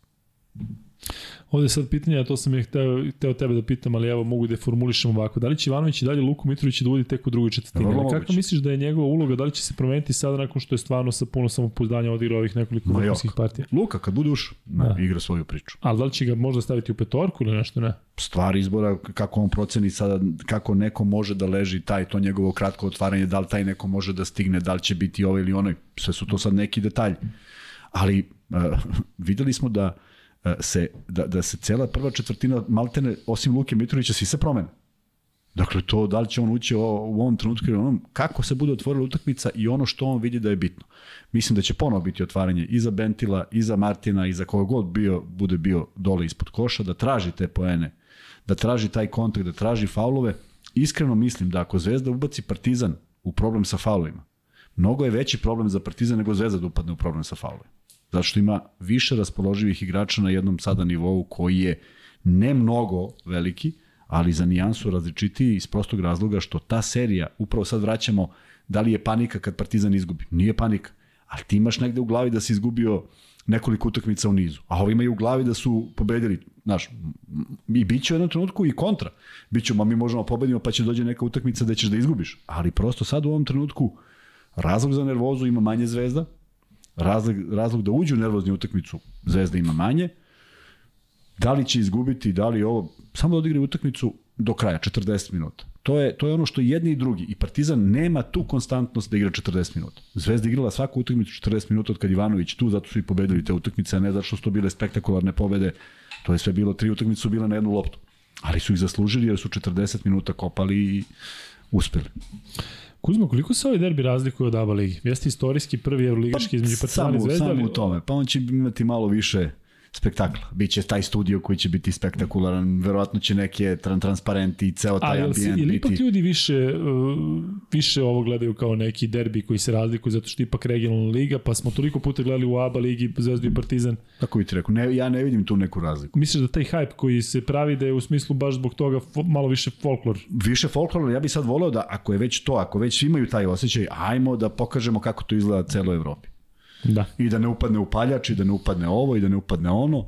A zamisli, kako bi to divno izgledalo da imaš tamo negde neke crno-bele, a ovde neke malo, malo, ne mora mnogo, crveno-belih i, o, i obratno. I onda ti pustiš tu sliku i neko kaže vidi bre kako se to igra. Ne znam koliko je moguće, ali bilo bi lepo, a ja mogu da pričam ovde šta god, ili tako? Evo, da, ali ovde ono, ono što, što, čemu ti voliš da pričaš, a što pitaju ovde, šta očekuješ od suđenja? I generalno, pri, evo sada opet poredim ABA i Euroligu. A, Da li pritisak manji? Da li je sve Nije, nije, nije, nije, nije, nije, nije, nije. Samo što će te sudije imati malo više, ajde da kažem, možda će imati manji pritisak. Nekako ovde se sve svodi, ja, ja, ja poludim kad gledam finalnu seriju Zvezde i Partizana i onda dve utakmice e, u Pioniru. Partizan, evo ko sudi, sad kao sudi neki, a ja uopšte ne znam šta će onda dosudi, Nije, kažem, ne pratim ih čak pojedine, kad, kad vidim ne znam ni kako se zovu. E, sad ovi dve igraju, e, vidi ko sad sudi, pa to je završeno. Ništa, ne, ne znam zašto moramo pričamo o tome. E, nadam se da ovde u ovom trenutku neće morati da pričamo ko sudi, da to neće biti ovaj, nešto preterano važno, ali bi voleo da bude kriterijum ujednačen. To je sve što bi ja voleo kao bivši košarkaš da vidim. Samo da je isti kriterijum. Da ne bude jedno ovamo, jedno onamo, jer će onda u, ovaj, stvoriti još veću tenziju. A, mislim, da, mislim da Zvezda defanzivno, ako, nabra, ako napravi kriterijum uh, suđenja, da je to veliki korak, jer, jer ja navijam za defanzivu i mislim da kad neko nametne kroz defanzivne zadatke igru, neće sudija svirati svaki faul. A ako igraš tvrdo, onda logično je da ćeš biti u problemu ako igraš mekano. I to je, nema nešto mnogo filozofije. I evo, eksplicitno nešto što pričam godinama i vjerojatno ima ljudi koji se smeju i šta ovaj opet nešto priča. 23 bacanja je šutno Virtus, 3 je šutnula Zvezda na kontu 14-15 pojena razlike. Ne možeš da pobediš sa linije slobodnih bacanja. Niko nikad nije. 70 da ih šutneš, ovi će dati 72 pojena. Jer nemaš igru. Kuzma najveći pristalica faulova na svetu. Sad kad smo gledali, ja kad smo gledali ovu utakmicu Singi Dunum Paramount, viče faul, samo faul, svaka druga reč je faul. Udri ga! Tako je. E, Kuzma, ajde sada samo da te vratim malo unazad, zato što nismo pričali o tome, ali evo, hvala Milanu Jevtiću za našem najčešćem donatoru, e, koji kaže pozdrav za najbolji podcast. E, pritom Ognjen Cvetković kaže, odnosno Četković, pretpostavljam, možete li nešto KK budućnost, pa pričali smo sada a gledat ćemo da pričamo o buduće još više, ali sad ipak derbi u prvom planu. Ne bih volio da pričamo o, o, o, budućnosti kad, kad naprave neki, neki, neku pobedu, da. pa kažeš ajde da pričamo o budućnosti, pa pričamo o nekim dobrim stranama. Vole ljudi da, da pričaju o tome slažem, šta je problem. Slažem, ali, okay. slažem se. Ali e... vidi, već klima, ja kako se završila utakmica, Juče ti čitaš komentare ljudi koji, ja ih ne poznajem, ali vidim da su veliki navijači e, budućnosti iz Podgorice. I ne dopada im se. Prosto, znaš, nije, nije to ta, e, ne možeš navijača prevariš u jednom. Spomenuo si Branka Lazića ti znaš da li on izašao u punoj snazi ili nije. Prosto ne može, ne može da prevari, on ne zna da folira. E, i kad, kad neko odigra utakmicu, i to se desilo i u Pioniru, desilo se i u areni kad Partizan izgubi utakmicu, ali ti vidiš da su oni probali sve, prosto došao jači protivnik. I ustavno jači i tapšu, pa nema ništa lepše nego kad pozoriš ekipu koja je izgubila, pa to i jeste sastavni deo sporta. E, Kuzma, ova promena stručnog štaba u Crvenoj zvezdi. E, jel si to video da je bilo što? U suštini Zvezda igrala dobro i Zvezda je vezala nekoliko pobeda, ali e, to je nekako prošlo, ajde da kažem tako, e, bez mnogo neke pompe, ali promenjeni su bukvalno svi, tako? Jesu. I nikako se nije u, u, odrazilo na, na rezultate ili na igru. A... Pitam te zato zbog skautinga ekipe i svega. Ipak Duško mm. Ivanović je sad doveo opet neki ljude, sve, to, meni je to barem neki ozbiljan. Pa ostaje Nenad Jakovljević. Dobro. Troje ili četvr. Da, Dobro, ne znam. Pa, tako? Ne, ne znam. Pa vidim nova lice. Da. A vidiš nova lice, nisam primetio. Vidio sam samo jednog. Simonović i Jorović nisu tu. To znam, to znam, to nije jasno. Da Ali vidi ovako. A, ovo su ljudi koji verovatno znaju kako on diše. I verovatno znaju šta treba da se desi i verovatno kad se okrene na klupu u četvrtom minutu ne znaju šta treba da saopšte. I to je potpuno logično. Uh, uz, uz veliku ajde da kažem, uz dozu, dozu zadovoljstva što će i Simonović i Jorović ovaj, da se bave trenerskim poslom, što možda ima i nekog talenta uh, za veće domete, Nisam bio oduševljen kada su oni bili pomoćnici Jovanoviću. Ne zato što nisam želeo da dobiju posao daleko od toga, nego jednostavno nedostaje neko ko će kaže nešto iskustveno. A oni ga nemaju. Oni ga imaju kao igrači. To je ipak jedna, jedna dimenzija. I šteta što Jovanović nije imao nekog savetnika. Nekog matorog, nekog Da, pričali smo o tom. Tome smo da pričali. Da to je, to je, to tako. A onda, a naš, je jedan je u redu, ali dvojica koji su, koji su na početku i za koje je veliki izazov Evroliga, prosto ovaj, nažalost nije upalilo, a ovde mi deluje da momenta kada Duško Ivanović se okrene i ovaj skoči sa klupe, to se tačno razume o čemu pričaju i to je vrlo bitno. E, Kuzma, mm, Ajde u stvari Vanja, možeš da ugasiš ovaj pol pa da stavimo pol ono što smo, pol. što smo ljudima ovaj, rekli u stvari, ajde prvo da ispucamo jedan free bet, može. Piti ovde još neki da li dolazi Gagi Milosavljić, Zvezda inače ima 61% Evo free bet, može free bet? Ajde. Jel može free bet u okviru snimka? Ajde. Jesi Vanja, jesi dobio snimak? Nisam dobio sam sliku. Kako nisi dobio snimak? Sliku. Tvoj telefon, Kuzma, sve, sve do tvog telefona. Tri slike, a nisi dobio snimak? Dobio sam sliku. A nije snimak? Ovo je slika. Stvarno? Pa ništa onda. Češ ja da, da, da proverim šta je šta? Ne, čekaj. A ne, onda mora da nije. Pa trt. Luka, zašto misliš da Ivanović baš je da. Koljević ostavi, iako on javnosti najmanje poznat? Pa ja sam rekao, tog dečka poznajem i on jako dobro poznaje košarku, mislim da je njegovo iskustvo u Euroligi e, jako bitno. U Euroligi u smislu da je on bio jedan od e, najbitnijih organizacija Final Four, jednostavno e, mislim da ima da je jako perspektivan, pritom je radio kao, kao pomoćnik u Trentu, dok Simonoviću znate da je prva sezona i mislim da, da donosi dobre stvari, pritom je dobra reprezentacija što vjerojatno ima takođe ulogu, tako da, eto. Luka, molim te za kratak komentar na minute Madara. Momak ubaci sve što šutne u prvom polovremenu, a u drugom ne dobije ni minut. Na primjer u derbi ili protiv Valencije drugo polovreme jedan minut igre. Mora da postoji razlog. Verovatno je ove sezone i to je ono što sam ja pričao, Madar zna da se ugasi kada su bitni momenti. Možda, kažem možda, verovatno nije, ali možda je Željko prepoznao da on u nekim trenucima zna da padne i da su ti padovi u drugom polovremenu kada on kao playmaker vuče ekipu na dole. Tako da verovatno ima do toga, ali zaista možda mu ovo i odgovara. Dakle, ne, znate da često ima oni koji ulaze kao džokeri u smislu pa sada će da urade nešto. Njemu možda odgovara da da ritam u prvom polovremenu i da pusti drugi da, da kasnije igraju. Vidjet ćemo. Da, u svakom slučaju verujem, verujem proceni Željka Obradovića kako god daje. Jel, jel može sada snimak? Posla Ivica Milošević. Da li možete zamisliti igrače tipa Lazić i Marković u Partizanu, mislim na takav tip igrača, a ne na ime? Da, Da. li bi imali minute kao u Zvezdi? Ja, ja mislim da bi oni opasno igrali. Pa kako ne, fali Partizanu Uh, tako i, I sad zamisli, smo... zamisli Ledej, Ledej, Ledej, Lesor i ovaj Panter. Ne može Ledej, Lesor i Panter. Da. Ne, ne, govorim, govorim a, Madar, Madar, Panter, Lesor. Madar, Panter, Ledej. I imaš dvojicu ovih koji, koji kidaju. Ali dobro, to je sve stvar koncepcije ekipe. Nađi li taj, taj video. Ne, ne, nego ti si poslao to što je hteo ti Jeste, poslao jeste, tako? posla. Biće snimak, Sad će biti snimak, Kuzma nešto sprema, neki free bet. na free bet. Neka. Iz preistorije Free bet će. i ovaj, treba u stvari odgovor da bude. Uje. Šta je ovo Čuo sam. čoveče? Pa, kompjuter moj koji radi. Pa čoveče, pa sad, ali sam ovo baš bilo ono. Ovo je baš... Jel čuju to naši. Koliko imamo u live? Nisi mi rekao. nisi ni pitao, 1166. To mi reci. Pitaju opet, e, kažu da Gagi fali Partizanu, dakle za oni koji su se kasnije uključili, Gagi je dakle kasno završio trening i prebacili smo na sledeći ponedljak. Tada ćemo pričati o svemu što je aktualno, tako da strpite se za Gagi je 7 dana. Da. Ali da, doći će u ponedjeljak, to smo se već dogovorili odmah u u poruci. Šta je ovo, Vanja? Kuzma, kada je sledeća utakmica NLB Vilos Ligi u BG ili Srbiji? nema u Beogradu. U BG ili Srbiji, nema, ne. nema, nema, nema. Što tako negativno?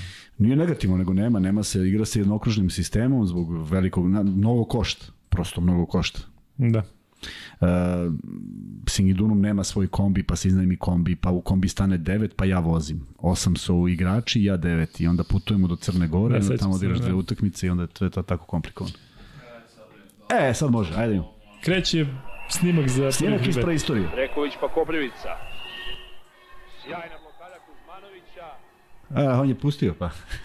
Mislim da će biti bez tona. Ko je igrao ovu utakmicu? To je free bet pitanje. Da. Nema veze, Vanja, nisam, nisam ni znao da ima tona. Vidio, faul, gledao. Puć. Faul čist ko suza. Ove, ali koje je pitanje za free bet? Ko je igrao utakmicu? Ti Kuzma što se iznervirao? Pa kako se ne znaš? Odnosno, ko je igrao protiv koga? Da. Ko su akteri utakmice? Dakle, Da. koji je ovo? Koja dva kluba igraju? Da. O, kakav Volim da partizan. ove praistorijske snimke. Iz preistorije ovde. Vidiš da danas... O, kakav partizan Kuzma. Partizan Nije. Beočin. Cibona budućnost. Pa Budućnost dobro, partizan. ljudi, čekajte malo. Koji partizan? Partizan BFC. partizan? Ne. Koprivica. Koprivica jeste. Beočin partizan. Ne. Budućnost partizan. Ne. Budućnost Sibona. Ne. OKK partizan. Budućnost OKK. budućnost partizan Unikaha budućnost. Unikaha budućnost, ko je odgovorio? Aleksandar Kostadinović. Ma šta bre Unikaha budućnost? Pa nemoj zezati. Pa naravno da Partizan budućnost. OKK Beograd FNP. Partizan Beobanka. Partizan Sloga. Beočin Neviđeno. Borovica. Ne Bulsi viđeno. Celticsi. Beočin Beobanka. Beočin Beobank. Savo. Savo Hvala majstore. ti. Savo, uh, šalješ Savo spasioče. šalješ na MaxBet, A šalješ pitanje na sam teo da bude, Instagram. nisam znao da ima tona. Teo sam bude pitanje ko, na, nad kim je blokada. Mogu da kažem Savi mu... Kaži mu- Savi tom drugaru. Savo, šalješ na Instagram ID MaxBeto ID na Instagram Luka i Kuzma. Toliko sam puta ovo rekao kao da u životu nisam rekao. ovaj, znaš zašto mislim da bi možda moglo da bude bolja bolji odnos. A ti Vanja stavi samo pol, e, da li vam je značajniji, da li su vam značajniji večiti derbi ove sezone u ABA ligi ili u Euroligi? Da imamo šta ljudi kažu. E, Mislim da bi moglo da bude mini atmosfera zato što pričao sam o tome ranije, Duško Ivanović i Zoran Savić se dobro znaju i ranije su sarađivali u Barceloni kada je Savić bio predsednik ili Pa sportski sve direktor, a stoji što mi to kažeš, znaš, ali...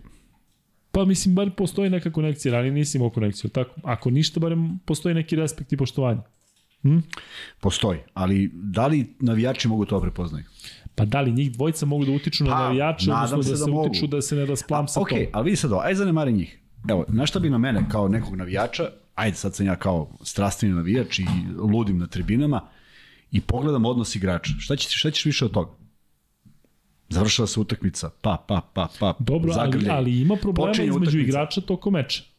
Pa to su normalne stvari. Tako je, ali, Ali to nema- se ovde gleda ovo i Da, znaš ne može se gleda. ovde se ima znaš prema zašto nema- navijačima igrača. Znaš zašto ne može se gleda? Zato što ti, ti ako si došao ranije na utakmicu, a svi ti strastni navijači dođu ranije, ti vidiš Andjušića sa Dobrićem i sa Mitrovićem. Reprezentativci koji pričaju šta je bilo, šta će biti, prozor, vrata, šta god. I tako treba da se ponašaš. I onda kad se završila utakmica, je li bilo, ne, ne, je bilo neče? Za razliku od prošle godine. A to je i do igrača. Ali kad vidiš ovo, prosto moraš da se da, da budeš da budeš ovaj drugačiji. Tako ja bar vidim. Šta imaš još da kažeš o derbiju Kuzma? Nešto onako šta ti na duši? Ajde, šta očekuješ E, generalno? Šta ja bih očekuješ? voleo- ja bih si da Partizan da- blagi favorit, ali evo sada neko opšte, opšte mišljenje. Ja znam da sad navijači Partizana kad kažem da je prošli derbi bio dobar, ali stvarno pokušavam da gledam iz ugla kvaliteta košarke. Jedno izuzetno polovreme od prekida. Žao mi je što je došlo do prekida, žao mi je što je prekid u stvari izazvala povreda i ja mislim da je reakcija, ja mislim da je sva reakcija ne znajući te- težinu povrede Ivanovića bila na činjenici da je sviran faul u napadu, koji kasnije nije ni bio. Što je paradoks. I da su zato reagovali i svrat sreća vratili su se i od tog momenta smo gledali do kraja polovremena fantastičnu šu, šutersko veče jednih i drugih. Onda je došla četvrtina gde se Zvezda odvojila, Partizan se vratio, Zvezda odvojila, Partizan se vratio i tek u četvrtoj je Zvezda istrajala i uradila konkretni napad pre svega. U odbrani potpuno iznenadila tim, tim uh, rotacijama sa čelne linije i mislim da je utakmica bila prilično kvalitetna. Na stranu ko je pobedio i ko je izgubio. Ja bih volao da gledamo dobru košarku. Volio bi da gledamo i taktiku dobru, volio bi da gledamo ekipu koja ima ideju da pošalje protivnika na slobodna bacanja, volio bi da gledamo te neke e, taktičke zavrzlamice, menjanja odbrane, malo zone, malo ovoga, malo onoga, nešto da vidimo, jer ja mislim da ovi igrači zaista, kada ih sve staviš ovako na teren, imaju izuzetno veliki kvalitet. I jedni i drugi. Jedni eksploatišu više napad, drugi će sigurno eksploatisati više odbranu, dva u ovom trenutku da mi je neko rekao da će Željko biti neko ko više forsira napad, ne bi verovao, tako se opredelio. I ovaj, vidjet ćemo šta će pobediti. Jer ne verujem da će sad Željko promeni priču pa sad krenu da igraju neku defanzivnu i duži napad. Prosto to ne prija igračima, to je de- evidentno. Tako da gledamo dva trenera koji imaju beskonačan broj pobeda zajedno. Koliko ima Željko pobeda? U Euroligi? Ne znam, da, da, to da se nađe, vjerojatno ima negde ovaj... Ne znam da si ti našao ono 181 Ivanović. Pa ja napisao, ja napisao, Da, u ovom. aj neko ako može, ako ima vremena pogleda. Da, samo. neko da nađe koliko ima Željko Bradović pobeda u Euroligi. Jeste, pa da Luka, šta misliš o glasu? Baš mi je drago da se vratio ona trojka pa kucnje i vidi se da puca samo pouzdanje. Važno da je zdrav, da li će mu se naći mesto u ovom timu u Euroligi, iskreno nisam, nisam siguran. Mislim da će biti jedan od onih koji će igrati generalno u ABA ligi, a u Euroligi eventualno neka, neka epizodica. Ali daj Bože da, da, da, da nas iznenadi sve. E, Luka, ne znam jesi video da deli Partizan gratis kartu za FNP koji ima kartu za zvezdu u četvrtak, ili to namerno FNP kao neki marketing potez ili ne, pa šta misliš? Ne znam, nisam video, ali zanimljivo zvuči. Znam da ti vuče da, da je proverena informacija. Da, Rakula da ovde dobru observaciju svega. Rakula, slažem se sa tobom. Ovako kada staviš ovo je zanimljivo. Kaže Top da je Žunu objavio da je Kampaco stigao na Mali Kalemegdan. Kampacu. Da. Pa svi pričaju o Dorsiju. Ne bi se Top zezao. Ne znam šta da kažem. Oko 350 pobjeda, oko 370, eto. 370. Da. I ovaj 180 i nešto je 600, 500 i nešto pobeda. 500, Pa zamisli, zamisli kako je, kakav je to učinak. nevjerovatno. Pa to ti kažem. Prema tome tu, tu jedan će gajiti ovo što smo videli u prethodnih 7 utakmica, Partizan će pokušati da napadom neutrališe neke stvari Zvezdine, imaju izuzetno pokretne igrače i da mi neko, da mi neko sad razložno kaže zašto odbrana nije na tom nivou, ja nemam odgovor. Ja nemam odgovor kad onaj Panter može da stigne šta god hoćeš, toliko je brz. Ali prosto neki propusti koji se dešavaju se, se dešavaju iznova i iznova i svako ko navija za Partizan setiće se pre mene i verujem da je poludeo više nego ja, a ja se iznerviram kada Ledej na primi koš i faul bez da. jednog faula nema razloga pa napravi faul kada, kada Željko Bradović uzme Madara i pita što nisi napravio faul kad ide na prodor on nema odgovor, e to je problem i to je taj fokus koji nedostaje, a mislim da igrači koji bi želi da nemaju fokus i kod, i kod Iv- Ivanovića ne mogu da ga nemaju. Prosto izađu, na, Da. izađu napolje moment. Kuzma kaže da će gledati dobar derbi, kad Joe Culi egzuma 30 minuta da igra sa niskog posta protiv svih playmakera Zvezde, ima da Moguće, se iznenadi. tako je. Luka, Ne. prenesimo. Ja, Ko da se iznenadi? Pa to je, to je jedno od legitimnih oružja i vrlo verovatno da. da će Egzum tako startovati. Ali šta ako Egzuma bude čuo Marković? Što? Manje gabarita? Da. Ili ne zna da igra odbor. Pa bit će tu neki odbor. Evo, Top kaže da se zeza. Dobro, Top. Nemoj sad se zeza. Tako, A, za ovo, pa vidio? šolju, Top. Jesi Ove, Vanja, možda ugasiš ovaj pol da bismo stavili drugi free bet i da lagano ubrzavamo, zato što evo već pričamo o 2 sati i 15 minuta. Ko bi rekao Kuzma? Ja bih rekao. E, 58% smatra da je ABA Liga važniji derbi. A 41% Pa zato što se tako, zato što se posmatra kroz, kroz konačni plasman, Da. potpuno, potpuno očekivano, realno. E, drugi free bet je sledeći. Dakle, znate ko je trebalo da bude gost večeras, a ko će biti gost sledećeg ponedeljka. Nabavite četiri kluba, može i trenutno klub u kome, našeg večerašnjeg nesuđenog gosta, Gagija Milosavljevića. Dakle, četiri kluba u kojem je igrao ili igra. Luka, da li se primećuje da kada Panter napravi neiznuđenu grešku i odane klupu, Željko ga naveliko tapši i podržava za razliku od Mandara ili nekog drugog koga za dobru igru kritikuje? Da, to sam ja primetio, što ne mora da znači da je konkretno loše i da sada to jeste primetio sam, ali kažem ne mora da znači da je nešto negativno. Jednostavno, Panter je e, kapiten Partizana, ali vidio sam i ove sezone da je bilo i nekoliko puta da se mu se Željko obraćao na isti način kao i ovim mlađima. E, njih dvojica očigledno imaju jedan specifičan odnos, odnos u smislu da, da, da mu veruje. Čini mi se da mu veruje, hoću to da kažem. Pa zato možda nema tih nekih reakcija na koje smo navikli. E, Evo ga, podatak od 7. februara šalje Ivan Pejić i kaže Obradović 454 utakmice, 313 pobjeda, eto ti. Ivanović 333 utakmice, 185 pobjeda. Eto, Pa znači zajedno će uskoro dođu do 500, još dve im pa to 185, 413, ma nije, prešli su. Pa si rekao 314, 313 i 185. 313, 185 je 497, 498. Vi stvarno. Ti je čovjek. je. 498. Kako će Kuzma u četvrtak da bude u hali ili u studiju? E, Eto ti sad. uh, Ilija Živodinović je dobio uh, drugi free bet, Alba Unikaha Mega Partizan. Uh, Ilija, znaš kako se funkcioniše.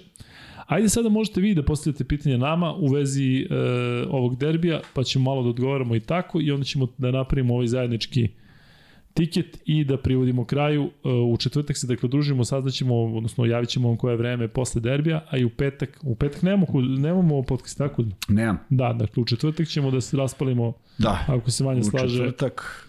pa da odmaramo u petak. Zato što su, zašto je derbi u četvrtak, vrlo jednostavno. Tako je, a nemamo, nemamo onda u petak, nećemo pričamo o nekim drugim stvarima i bit će tu mnogo tema i, i nadamo se, ja se zaista nadam dobroj, dobroj, dobroj utakmici, uh, dobroj slici, jer vidim da medijski kak jedni i drugi jako lepo isprate i to kad se uklopi u sve ono što Euroliga pokušava i mislim da vrlo, vrlo liči na NBA i na ceo taj spektakl može da pošalje jednu fantastičnu sliku. U ostalom, e, znaš koliko je lepo ovaj, kada vidiš dva Final Fora u Beogradu i gomilu navijača koji idu preko mosta u raz, različitim dresovima i shvatiš da je to moguće. Mislim, ajde i mi da vidimo da li je moguće. Imaš pozdrav iz Brisela i od Čombe, Kuzma. Trifunović, da li možda čuva Vidosu i Nedovića? Pa ne verujem da će doći uopšte do toga ako Trifunović bude igrao, igraće malo. Koliki je skor Kuzma imao u derbijima kad je igrao sa KKCZ? 1-1 smo imali. Dobro. E, da li je možda Uroš Trifunović neki faktor sa klupe? Kažem, on će igrati, ne da će igrati neki 20 minuta, ali eto to što uvek Kuzma kaže, ako odigra 10 i 15 minuta treba da iskoristi Trifunović, maks- maksimum. Trifunović mora da se skoncentriše i kažem opet, meni to upada u oči, ja verujem da i navijačima Partizana, on se više iznervira kad promaši otvoren šut za tri, što je u, u celoj priči mnogo manje bitno nego kad napravi grešku u odbranu i obiđe ga čovjek kao da ga nema. Ima 19-20 godina, on mora da bude taj koji ima najviše energije. On mora da ne dozvoli, on mora da napravi faul. On mora da napravi faul i umesto nekog drugog. On mora da bude taj koji će da pokrpi sve ono što Panter ne mora, što ne mora Naneli, što ne moraju oni. Eto, to je, to je potpuno logično. I kad se tako posveti ekipi, M će svi da ga cene i da ga, da ga, da ga ovaj, drugačije gledaju, M, M će se otvoriti napad samo od sebe. Da. E, dalje pitanje, ima dosta pitanja Kuzma, tako da moramo da moramo da ubrzamo. Pa rekao si da kratko odgovor. Kratko pa da, ali nisi me nisi očigledno ispoštovao. Da li očekujete manje slobodnih bacanja nego u ABA derbijima? Kuzma. Ne znam, ja, ja volim kada u Euroligi puste, puste ovako, ovakvu utakmicu. Ovo što smo gledali sad protiv Virtusa, jer to gledam ipak iz maltene drugog reda, opasno su ovaj, imali jedan kriterijum suđenja koji je stvarno izvlačio poslednje tome snage, prema tome ako to bude, mislim, tu mi deluje da Zvezda može bolje da se snađe. E, koliko kraća rotacija Partizana može da utiče na umor igrača i da bude jači faktor domaćih terena u duelu sa Zvezdom? Može, može, ali imaš jednog, jednog motivisanog lesora koji je već dao nekoliko izjava i želi da, da pokaže i verovatno Da, ali mislim mu da u derbiju Kuzma ne može da dođe do umora. Da, da, da ne može, to kažem, to da, da kažem. jednostavno... ali, ali može da, da nestane fokus, možeš da radiš Jasno. nešto što je, to je ono što, što umor utiče. Ne može da nemaš snage, ali prosto treba imati fokus za sve neke zamisli koje postoje, ne ispadati iz odbrane. Da li, da li, da, odnosno Dalibor Ilić, da znali se nešto? Ne znam se ništa. Da. Kakav odgovor? Pa mislim da neće biti spreman za derbi, ako Da, nije sigurno. igrao za studentski da- centar, da. neće sad biti moment za njegov ulazak. On-. Šta je po sredi, zaista ne znam. Nisam on bio znao- 12 dole? Mislim da nije. Pa znači on je 15. Ako, ako računamo Holanda i... Da, da, da, pa oni da. pa 15 i ja, Da. da. čekaj, baš nisam ni obratio pažnju. Pazi, to bez Ivanović. Luka, jel se isprati možda Ruse Unix CSKA napeto? Vidio sam samo da je da je bio produžetak i da je Unix vodio nešto u, u, u završnici, da su imali ono, da su bili bliži pobedi. Ja, znaš šta mi je žao što nisam prošli ponedeljak rekao? A htio sam. Bila je godinu, ne znam koja je tačno godina, od Milojevićevih onih 50 i nešto indeksnih poena. Godišnjica sam ne znam koja. I mnogo mi je žao što sam zaboravio, jer sam kao imao to u planu, jer to je zaista ne, nevjerovatno šta je Miloje.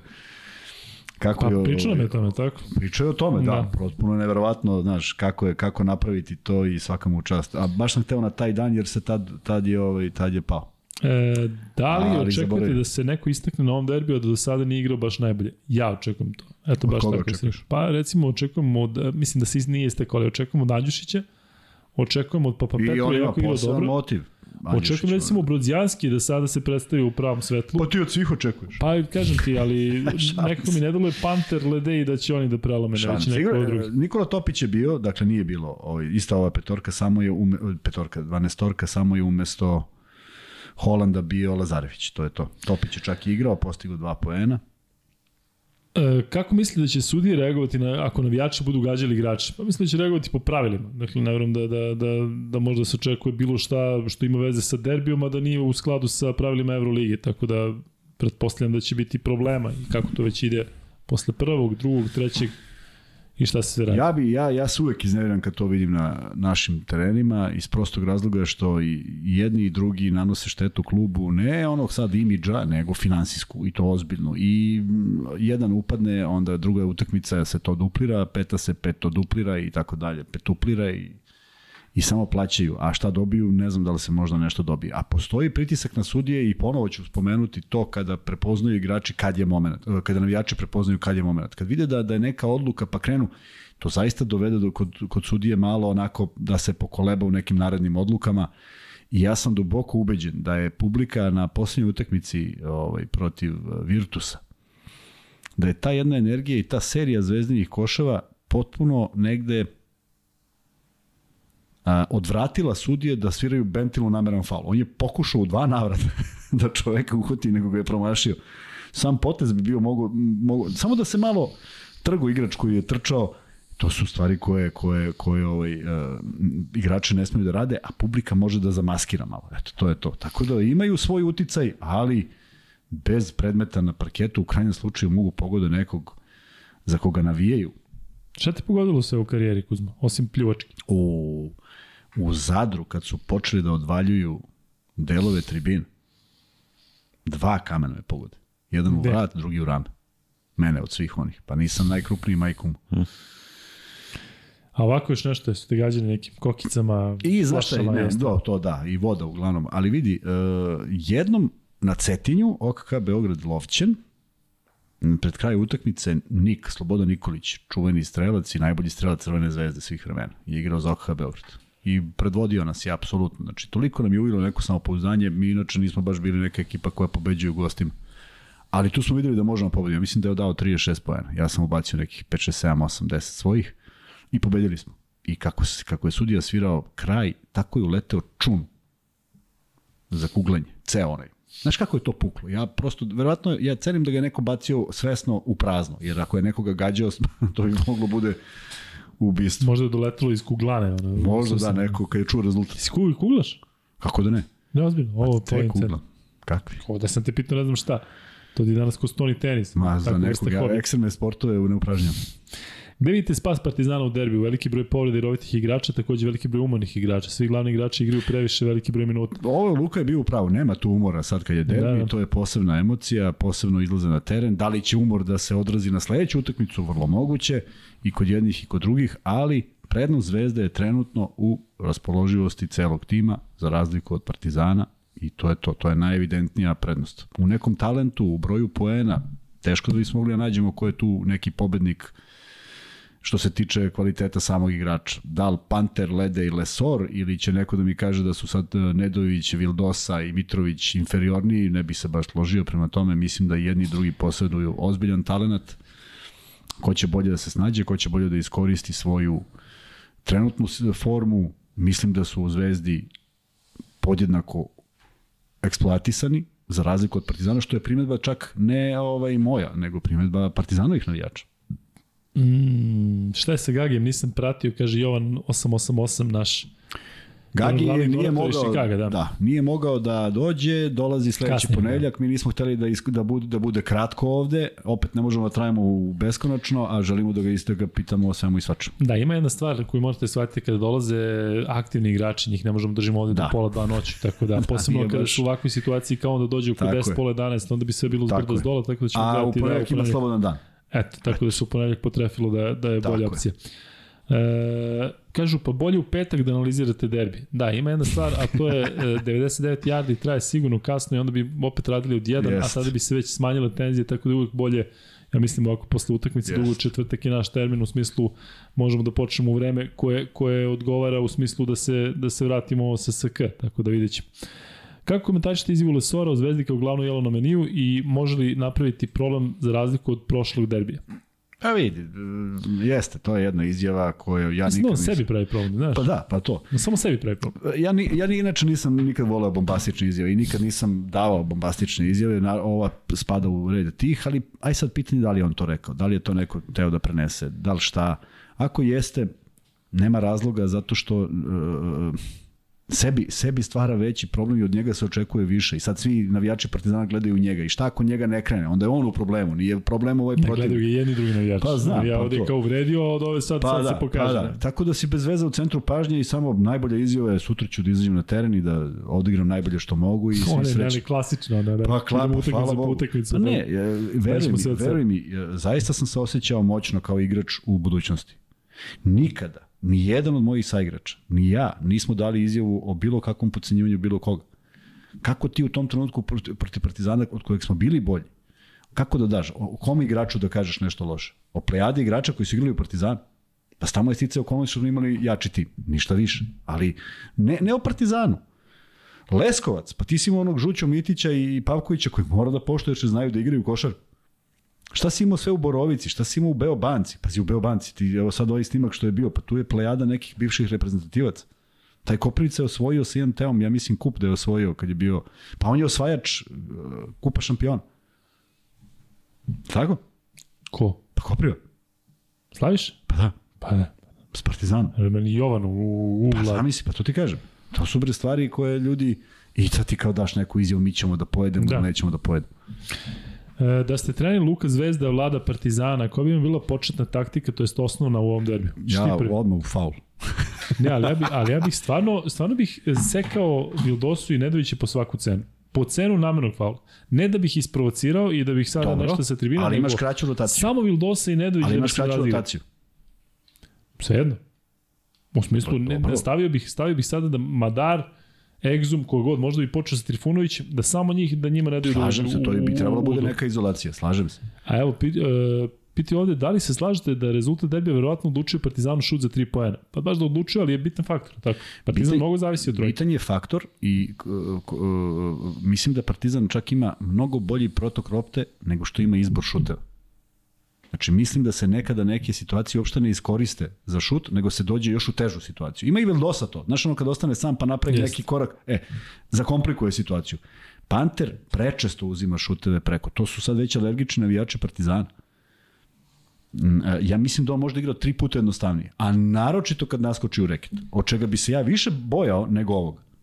Jer on kad naskoči u reket, to je samo pitanje da li je, da li je to udarilo u obruč ili nije. A kad šutira trojku, ja bi rizikovao.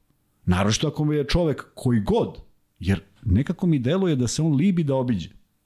On napravi 3-4 promene, pomisliš sa- sad je moment, on odustane od obilaska, vrati i šutne. Pa ako je na Kuzmića na njemu, pa nek šutne preko Kuzmića, potpuno mi je sve jedno. Nije mi to nešto što je dobitno, a bojim se da je tu da tu leži tajna tih nekih e, šuteva koji ne završe u košu, a koštaju Partizan mnogo. Znaš šta Kuzma, evo, ajde ti sad reci da li sam u pravu, ali evo, ja ću da, da dam jedno mišljenje. Mislim da bi moglo da bude ključno u ovom derbiju to što zvezdini stranci ranije nisu imali kontakt sa derbijem, a da, da je Partizan domaćin. Zato što ti, kada Partizan igra kao gost protiv zvezde, be- na stranu to što je odigrao loše, Ušuškan si malo, imaš svoje navijače, ne, ne to, nego e, Panter zna, Lesor zna, Aha, dobro, da, Ledej imali zna od su, prošle da, sezone, dobro, dakle da. nemaš nijednog novog, Egzum je eventualno jest. ne zna. Ali pazi ti da ti ovo, Vildosa, on ne zna šta ga čeka u prepunoj areni. Bentil, Hasan, Hasan je igrao Olimpijakos protiv Pantanikosa, pa majku mu ako ne zna, onda stvarno je, Pa ipak je stvarno drugačije. je lud. pa tako, Pa dobro, jeste drugačije, ali, ali ne mnogo drugačije. ali Vildosa, Vildosa, a on mi deluje kao da uopšte ne kapira ni koji su ovi, ni koji su oni. A, on misliš- igra čovjek. Ili deluje- misliš da će on, ja meni delo da će biti krajnost, ili 0 od 8 ili 30 pojena. Šta ti delo da je bliže? Ja stvarno bi se iznenadio ako bude nula. Ja uopšte ne vidim način da, da se to desi.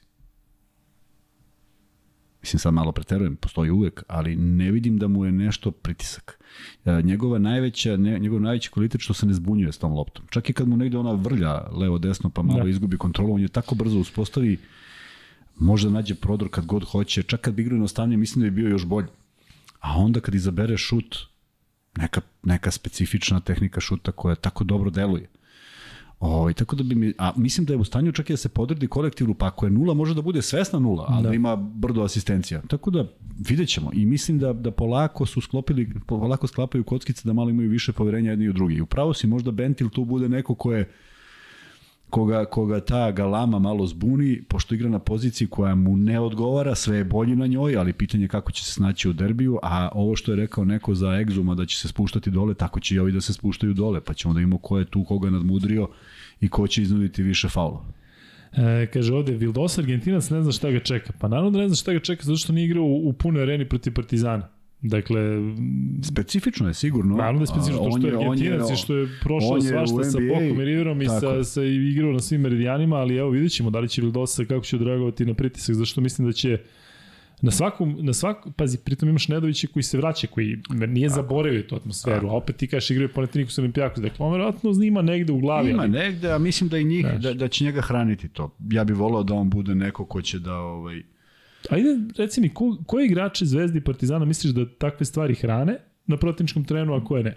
Mene recimo da Panter, Panter mi deluje da njega to onako baš gura kao motiv, posebno kada igra protiv Zvezde, zato što znamo kakav je odnos sa Zvezdim navijačima. Pa ja, ja čekao da nisi ovo spominjao, ja ne bi, ne bi ni primetio da tu, na primjer, ja ne mogu da zamislim da Marković, Lazić imaju problem, Mitrović. Oni nemaju, ali, ali govorimo o ovima Pa koji će potencijalno da, biti da, da, tu mislim da čak samo ekstremi, Bentil, Glas. Glas sigurno neće, bez obzira da li je prisustvo, to je za njega veliki pritisak jer je ovo prva utakmica koju je odigrao. Tristan Da, da, Vukčević. Tristan Vukčević, ne, sve stoji, ali ne može, ne može pitanje je da li će, da. tebe prvi pas, tebi prvi pas i huk sa tribina da si nešto loše uradio može da sputa. Dakle, sad govorimo i o nekom ovaj, mentalnom sklopu, nema svako isti. Može neko da pogine, strada u, od atmosfere i da, da, ga ne, da ne postoji. Ne bi bilo ni prvi ni poslednji put. Ali upravo si, to su igrači koji su iskusili mm, sa dva stručnjaka koji apsolutno verujem da znaju da im drže i fokus i samopouzdanje, pa ja stvarno bih volao da vidim dobru košarku i mislim da nemamo ni jedan razlog da ne gledamo dobru košarku. Slušaj, Uh, nema Luka da prozivaš Ildosu da ne bude kao za Italiju, reci da će da nam ubaci 30 pojena. Da, upravo Kanta, si. kanta. Da. E, ništa, mogli bi da pravimo tiket e, za... E, a šta misliš Kuzma da recimo, hoćeš sutra da šalješ taj tiket humanitarni? Da bi mogli da ubacimo C2 u budućnost koji igraju Evrokup. Pa ja ću da predam ovaj, sutra pre podne, pa ako dobijem, onda ću da ovaj, odigram. Dobro. E, ništa, ajde prvi par nek bude Vanja C9 Olimpija Ulm, zato što ćemo povezati o, utorak, sredu, četvrtak i petak. Naravno stavit ćemo utorak C9, C9 Olimpiju, u sredu budućnost, u četvrtak derbi i u petak ćemo da izaberemo neki od ovih A evroligaških pa je sad mečeva. ovo što piše Dejan Andrić. Šta kaže? Izla, čita hrvatski, hrvatsku nešto, štampu ili portal i kaže izgleda da Igor Miličić preuzima Makabi. To išta piše. Pa dobro, hrvatski je tako da možda, znaš, Možda, imaju ne neku kažem, inside ja kažem informaciju. samo da pa vidjet ćemo, možda smo Ali eto, pogrešili, vidite možda da smo nismo. bili u pravu za, za, za, ovaj, za Makabi, ako su krenuli oni nešto 4-0, 3-1, 4-1, šta su krenuli, pa vidite da, da, da su na, na ivici raspada. Jeste. Tako da, eto. Ali imaju najboljeg strelca u ekipi i to je satisfakcija. Cedevito Olimpija Ulm, da.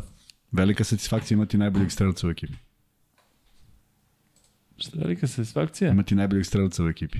Kola. Iako si izgubio, iako si, iako je peti poraz. u ekipi. Ali ne, to je najvažnije. Mm, Da. E, Cedevito Olimpija Ulm, sačekat ćemo da bude neki 200 glasova, dakle da vam kažemo da Šta pravimo ovaj treći. Olimpiju? Cedevito Olimpija Ulm je prvi meč u okviru ovog humanitarnog free beta. Oni igraju sutra. Cedeviti Olimpija, u, Da, oni igraju sutra. Sve. dobro. Pa imaju šest poraza, ko kako ćemo pomoći čoveče, da to može... Ti čitaš čekamo da se... Oću, oću, čitam fantasy, da. U, kako je skočio, ko da, je, ko da si mu... Ko da Pa, si mu bre, rekao da, da momci, se bre, Davidovac vraća u zvezdu. Momci redovno, a da, kači, vidiš šta ja sad čitam. Da, Ajde. sad da bi video, čekaj, ne dobacujem sa njim. Evo nas u Euroligi, Alex D na prvom mestu, treći ove nedelje. RSB tim, zaklao bih se da je bio prvi do pre, do pre, do pre. Ušta. Ušta bi se zaklao. Sve bi se zaklao. U potpis. Peaky Blinders, poznato ime, 1775 bodova. Na trećem mestu nema ih ove nedelje, vidiš, ne dešava se to baš negde, negde omanu, a možda i zadrže ostale prethodne ove ekipe. Dobrići, peti, o, u ovoj nedelji ih nema, Fragola šesta, šesta i ovog kola Popare se nalaze na sedmom mestu ukupnog zbira, nema ih, osmi avijatičari, četvrti ove nedelje, samo dva boda za ostatka za Vranjskim Panterom. Vranjski Panter, A, vidiš, Vranjski Panter, ako je aludira na Pantera, možda se ovaj kasnije uključio, pa ga nema na ovoj velikoj listi. Twente 1727 i Ogi Školski je tu, Tole Tole je drugi ove nedelje, a Ždahe su pete, a jesam spomenuo Ždahe, nisam.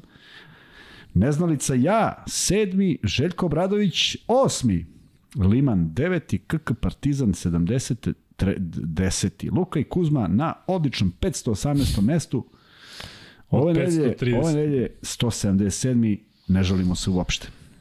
Kako Kuzma sa energijom nekom neviđenom čitao. A Badmiro Liga, Koke Nosilje, već poznati na prvom mestu, samo pet bodova ispred, sa pištamo, Gde?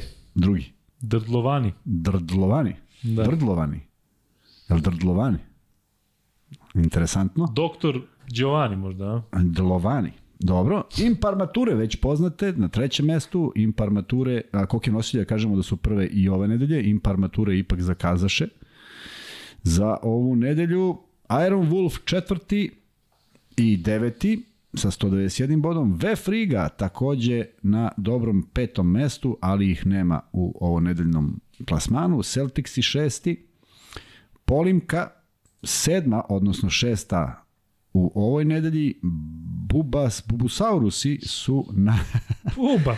na osmom mestu, nema ih nedelje. Mufloni deveti, igra Zvezda danas deseti. Koke nosilje, Vozli, Amateri, AK47, Kingstone, Apon ba, Aiba, Ibar, Apon Ibar.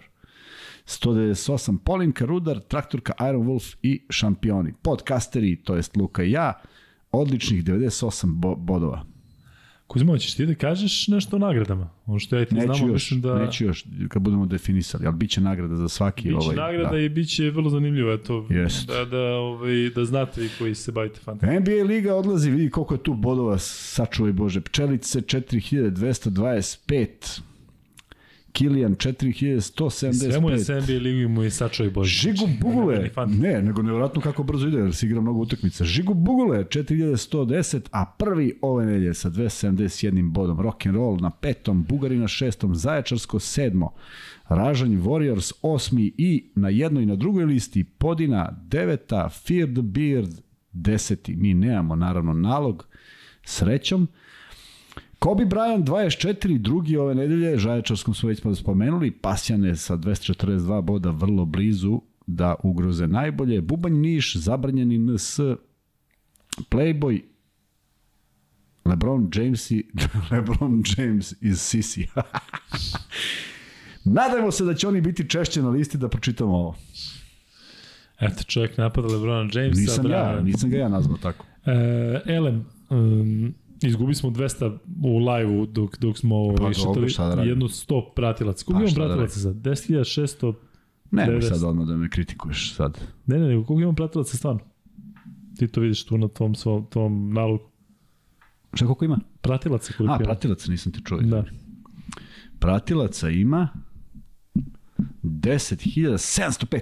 Opa, bato, Aha. da vidiš, znači došli smo do jednog mini, Mini, mini. mini džubileja. E, A inače imamo 2,5 miliona pregleda od danas. Ukupno, tako? Da, jeste. E, Vanček, možda ugasiš ovaj prvi e, pol za, eto, Cedita Olimpija 64%, dakle Kuzma prvi, Ej, SK je saopštio ovo isto, tako da nije ovaj Hrvatski Šta da Miličić. da preuzeo, Da, ili da se preuzeo, da. da.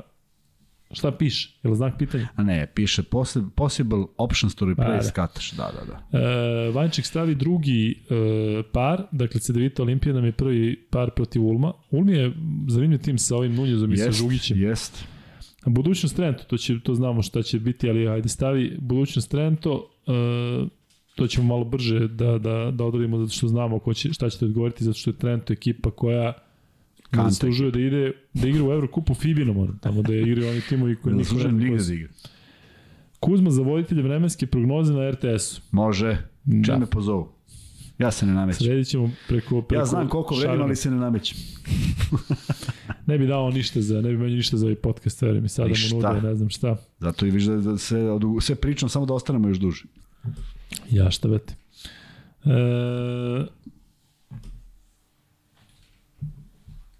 Šta je sad? ništa. Gledam koliko ima sati. Gde smo stali?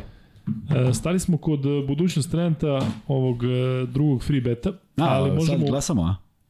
glasi oni, da, ali reci ti Kuzma šta očekuješ od budućnosti Ma, Olimpije u nastavku Evrokupa? E, vidi, Cedvita Lu- Olimpija je zaista, zaista misterija. Um uopšte ne igra loše, ali prosto jednom bi morala Cedvita da pobedi. Ja ne mogu da verujem da, da imaju toliko poraza. Nemaju ni jednu pobedu. Nijedno. Pa, bit će protiv Ulma. Eto. Ja kažem, bit će protiv Ulma. Ajde da prokomentarišemo parove ovog e, kola Euroligi. Dakle, Alba Fenerbahče. Fenerbahče ima problem sa povredom. Da, ali Alba ima krizu identiteta. E, a Panathinaikos Armani, Kuzma Panathinaikos koji se baš podigrao lepo. Mora da, da ga dobije. Jesu dobili derbi danas?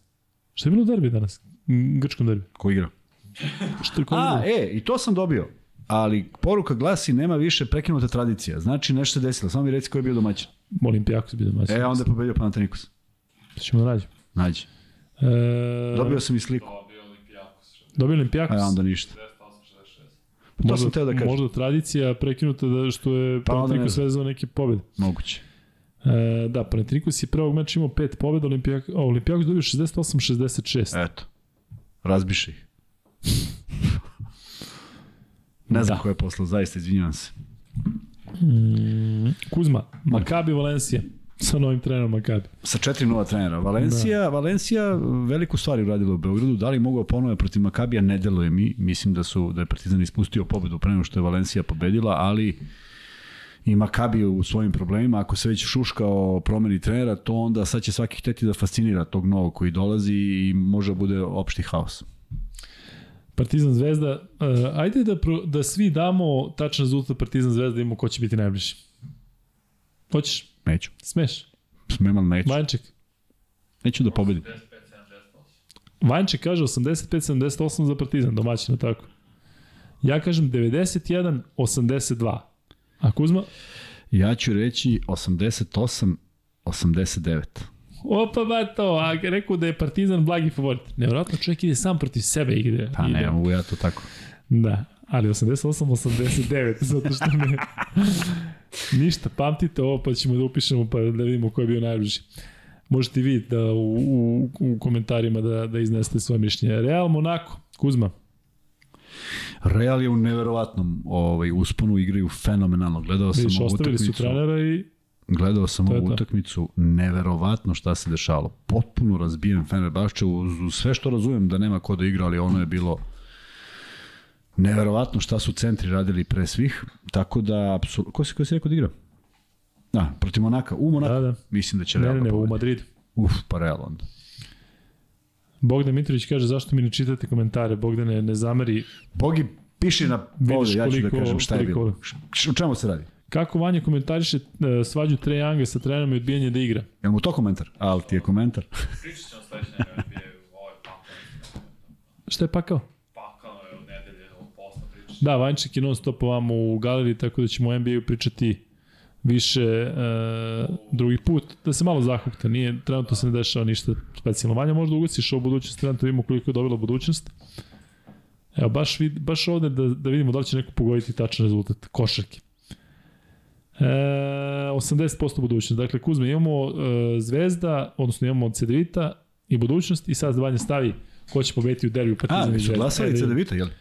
Cedevita su glasali da će biti, da. Da će pobediti u... Ovaj meč će biti Partizan Zvezda za...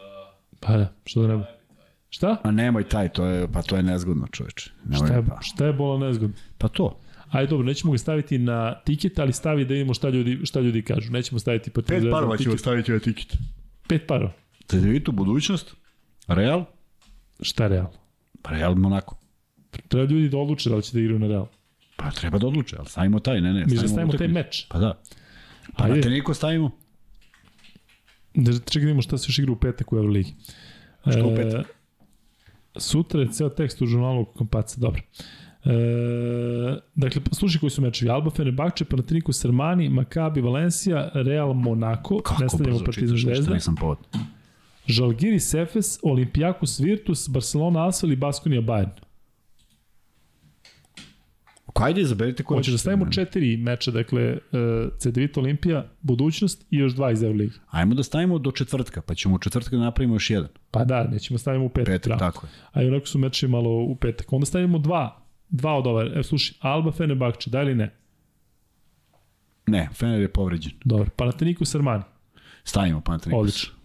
Maccabi Valencija Ne. i znači stavljamo Real Monaco. Real Monaco. Dakle, imamo Real Monaco. CDVita i budućnost sve ćemo ko Tako. fikse. E, to. E, da. Možeš Vanja da, da ugasiš odmah ovaj pol, pa nek bude malo manji uzorak, da bismo prešli nadalje.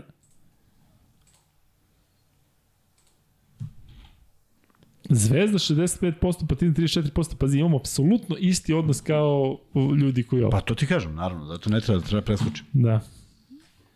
E, Vanček, idemo u sledeći meč za pol, a taj meč je Panathinaikos Armani. Dakle, to nam je treći fiks. Imamo dva fiksa, ne znam koliko su kvote, to vi vjerojatno bolje znate, ali mislim da je u budućnosti sigurno mala kvota, na CDV-tu bi trebalo da bude ok, pošto ne vjerujem da će biti veliki favorit protiv Ulma. Ali eto, sada ovde Panathinaikos pretpostavljam da se nameće kao favorit, samo da nas tu Armani ne iznenadi, zašto oni u nekom trenutku kapiram da moraju da počnu da igraju. E, Kuzma, mi onda nećemo komentarisati ove meče koji se igraju u petak, zašto ćemo ih komentarisati da. u četvrtak, što se tiče Euroligi. Vi možete da postavljate još neka pitanja, pa ćemo da vidimo, da, da vid stignemo da odgovorimo. Mhm. Mhm. Pa nije fora da se glasa Partizan Zvezda zato što ima više trenutno zvezdnih Pa igrača. jeste, Upravo zato ste, kažem, pa da, ne, da, ne, sam ti rekao, slažem se sa Kuzmom i sa Vanjom. Pa da. Da, vidjet ćemo to oko žurnala A šta i ako oko... ima više Valensijinih navijača sada? Valencija. E, rezultat ne znam, ali Partizan dobija dvocifrenom razlikom. E, to može. Da. Ko je to, ko je to rekao? Pamtimo sve da imamo, hoćemo kažemo da sam ti Pamte rekao, oni, da imamo da, ko da. kome. Kaže Radivoj Radivojević. Dobro. Vanja, možeš da ugasiš Panathinaikos i Armani. E, jedna interesantna vest, Šakota je postao trener Ređo, Ređo neke ređe. Ređe Mili. Emili. Pa jedno jedino reći. Pa ima, možeš. ne, ne znam, mislim da ima više ređe. To je tamo gde treba da dođu Jović i ko još? Da. I ovaj Fetz Russell. Da. Panathinaikos 75%, javljaju da je kvota za Ceditu 1.57. Ovo će biti onako prilično So, super kvota. fiksni tiket. Samo ako pogodimo. Šta se dešava sa Bradym Manikom? Čovjek igra i razbija za pet, ali vidjet ćemo šta će biti sa njim. E, I poslednji par koji ćemo staviti je par Real Monaco. To će vjerojatno biti i najzanimljiviji pol u smislu da vidjet ćemo kako ćete kako ćete glasati. Najneizvesniji, ajde tako da kažem. E, Kuzma, ili imaš nešto za kraj? Bilo je nešto sigurno čega ću se setiti čim budemo završili podcast, ali sad ne mogu. Ne, nego nešto za kraj današnjeg podcasta. Da, da, ovo je posljednje što ćemo reći pred, pred Zvezda, Zvezda Partizan. O tome? Generalno. Imaš da poručiš nešto Pa ne, navijačima da da, budu imao, dobri ne, znam i da ne sam, to sam poručio, znam da sam imao nešto, ali sad ne mogu setim šta. Onda setit ću se kod došao. Ili imaš nešto da kažeš u vezi studija toga da nešto još otkriješ da Nemam, dodaš? nemam, vidjet će, pa bit će, Ali će će, biti- mislim da će biti biće pokriveno, studija da. nego- nego da, ikada, da, da, da, da, bit će posebno i mislim da se kolege sa sport kluba spremaju da nađu apsolutno sve što hoda planetom, a da igralo u Zvezdi i Partizanu da bi dobili izjave, što, je, što će biti divno. Mislim da će zato studio i trajati toliko dugo. Ove, ja sam mali doprinos dao, pa mislim da će Nikola Vučević imati nešto da kaže po tom pitanju. Uh, želim da gledamo dobru košarku, želim da bude fenomenalna atmosfera kako će sigurno biti. Uh, I da na neki način bez neke sad pompe istorijski, znaš, istorijski moment, ali stvarno ovo može da bude nešto što što može da očkrine vrata, ne zaboravimo da je Bodiroga novi predsednik Evrolige, Čuj novi. To pričamo već mesecima da je novi. Pa dobro, da je predsednik da nije da da malo drugačija klima može da da da da duva ako ako ovde sve prođe kako treba, ako se pokažemo kao dobri organizatori. Dva Final Fora su bila besprekorna prema tome na neki način da se napravi jedan, jedan, jedan novi pristup svemu tome. Mislim da on svojim imenom može da pomogne. Mislim da puno radi. Mislim da je obišao mnogo klubova. Mislim da ga tek čeka ozbiljan posao ali da sve to nekako može da se pre svega približi FIBI i da nađu zajednički jezik i da se neke stvari koriguju i da Zvezda i Partizan kao predstavnici Srbije i ovog regiona iskoriste tu, tu mogućnost. Ipak je lakše, ipak mogu lakše da se razumeju, ipak mogu da se nađu zajednički interesi, ipak ovaj region a, zna da organizuje ovakve utakmice. Ajde da vidimo da li će i neka korist izaći iz svega toga. I zaista bi volao da gledamo dobru košarku. Si to počeo da štucaš, a? Ne? Nešto bilo neki. Nisam, nisam. Um, da, ja bih da pozovem zaista da pokažemo svima da smo drugačiji od onoga što, što cela Evropa misli o nama, da smo ne znam šta. Ajde da, da budemo, da, da pre svega akcent bude na utakmici. Ne mislim to samo na ovaj derbi. Partizan je domaćin, tako da nije, ovaj, nije sada nije možda korektno sada pozivati na nešto, a posle ne pozivati, dakle, generalno ove sezone da budemo primer kako treba da se, da se prati Euroliga, zato što znate da ima i dvorana koje su poluprazne, pa čak i sada kada Rusi nisu tu. E, sve u svemu, zaista očekujem spektakl, to će na sport klubu biti zaista isprećeno kako i treba i doliči. I to je u suštini to. Vanja, možda ugasiš ovaj Real i Monako da vidimo koji nam je poslednji fiks. E, Luka, gde, gde je onaj Bugarin što ga imao Željko u Feneru, veliki talent? Hm? To je Jordan Minčev. Seć njega. Ne. Ja ga se sećam. Jordan Minčev je, ću proveriti gde igra, ali uh, mislim da je, mislim da nema od njega ništa u smislu, mislim da je u Bugarskoj. Mm, mislim da, da se vrati u Bugarsku, ali bio je tipa na jedno deset kaljenja, između ostalog i u MZT-u. Ćemo da imamo da igra Jordan Minčev. Ako misliš na to, da sećam se drugog Bugarina, on je bio tamo dok je bio Željko. Jordan Minčev, evo ga, 24 godine više, on je još mlad momak. 2-0-3, jednostavno imao da super građe, ali nešto u glavi, nisam baš siguran da je... Igra za Tomeromu u Mađarskoj, Mađarskoj. a igrao je u Bugarskoj, u Levskom. Igra u Vršcu, to sam zaboravio, nevratno. E, dobro, Kuzma, to je to. E, publika je rekla da je posljednji fiks Real Madrid, 85%, 14% su samo dali Monaku, tako da imamo jedan baš onako ticket fiks, fiks po fiks, dakle ne vjerujem da ćemo imati neku jaku kvotu osim CDVT, to je 1.57. Tako da e, vidim da ovde komentarište mnogo toga oko Kampaca, nezahvalno zato što ja stvarno mislim da će on završiti u Armaniju ili Realu. Tako da baš da Zvezda dovede i Kampaca na ovo, šta je gde onda Ivanović kad se vrati? To je totalno nerealno. Campazzo, Singleton i Dorsi. Ali bilo bi dobro da dođe jedan, u smislu, ti Ma, znam da ne bi voleo, ali eto, u smislu jake su, jake su glave, pa E, pošto imamo, imamo ovaj, uh, shvatili smo da imamo i gledalce mlađeg uzrasta, a ja sam stvarno ostao dužan Marku Čoviću da pročitamo jednu pesmu, pošto ti lepo čitaš, Nemoj da se ovaj, nervira što je malo duža, ali mislim da će biti vrlo interesantno. Čuo rečenicu, Vanče, kaže, ja sam ostao dužan da pročitam jednu pesmu, pa pošto da, ti lepo čitaš. Pa ja, ja sam, ja, ja preuzimam na sebe da sam, da nisam, ali ti ćeš da čitaš. Aha. Kaže, šta sam ja propustio da pročitam. Znači, prvu rečenicu ne moraš, nego onda krećeš dalje. Marko Čović. Baš hoću da pročitam prvo. A, pročitaj. Evo, aktivan je sada Marko Čović. Pa ja mislim da jeste. Pa prvo Da, podcast pesme. broj 100, broj trojke koji će Luka dati za redom do 756. podcasta, ono kad sam obećao u dobrom Yes. podcastu. Od prvog trenutka brzina je peta uz jakog sponzora, naravno Max Bet. Luka i Kuzma i Vanja pride, srećne oči što vas vide. Bog svašta stvori za 7 dana, ali zaboravi podcast bez mana. Svestan i Kuzma u košarkaškoj penziji, obradao se Lukinoj asistenciji. Kada se spoje znanje i iskustvo, ne treba vam neko uputstvo, već odličan studio, prazan do jutra, nema spavanja jer tu je ultra. U Beočinu kad se rode djeca, prvo kažu Kuzma, pa mama i tata. Bio je igrač tada bez premca i zaslužio spomenik za života. Od OKK Beograda do Asesofta najveća ljubav bila mu je lopta, 15 godina sjajne karijere i danas ruši mnoge barijere. Košarkašima u kolicima veliki osnovnac, stručni konsultant, čak i glumac. I kad mu posle ponoći zablokira mozak, Luka će mu pomoći, spreman kao kozak. Stavlja Luka slušalice na uvice, čeka Kuzmi znak da pritisne zvonce. Euroliga, ABA liga, analize preko bare, zabava do zore, uz live komentare. E ti znaš kolika je pesma? Dobro. Da je sreće bilo, uzela bi ga Juta, ali bi mi izgubili sjajnog komentatora, nije mogao Luka da proguta, da ga Jao Mingo onako iskulira. Dobro. Svaka čast što pratiš, bravo Marko, ovo su neke stvari koje smo pominjali samo jedno. Vrhunski gosti, treneri i košakaši, neka vaš podcast još dugo praši. I kada skačete sa teme na temu, da ste najbolji, nemam dilemu. A Vanja Kovanja i slušaj Sanja za američki futbol i košarku doktor, uleti sa klupe pa Kuzmu sklanja jer inače liga zaslužuje prostor. Nekada smo u sitne sate gledali porniće, a sada najbolji podcast dok zora sviće.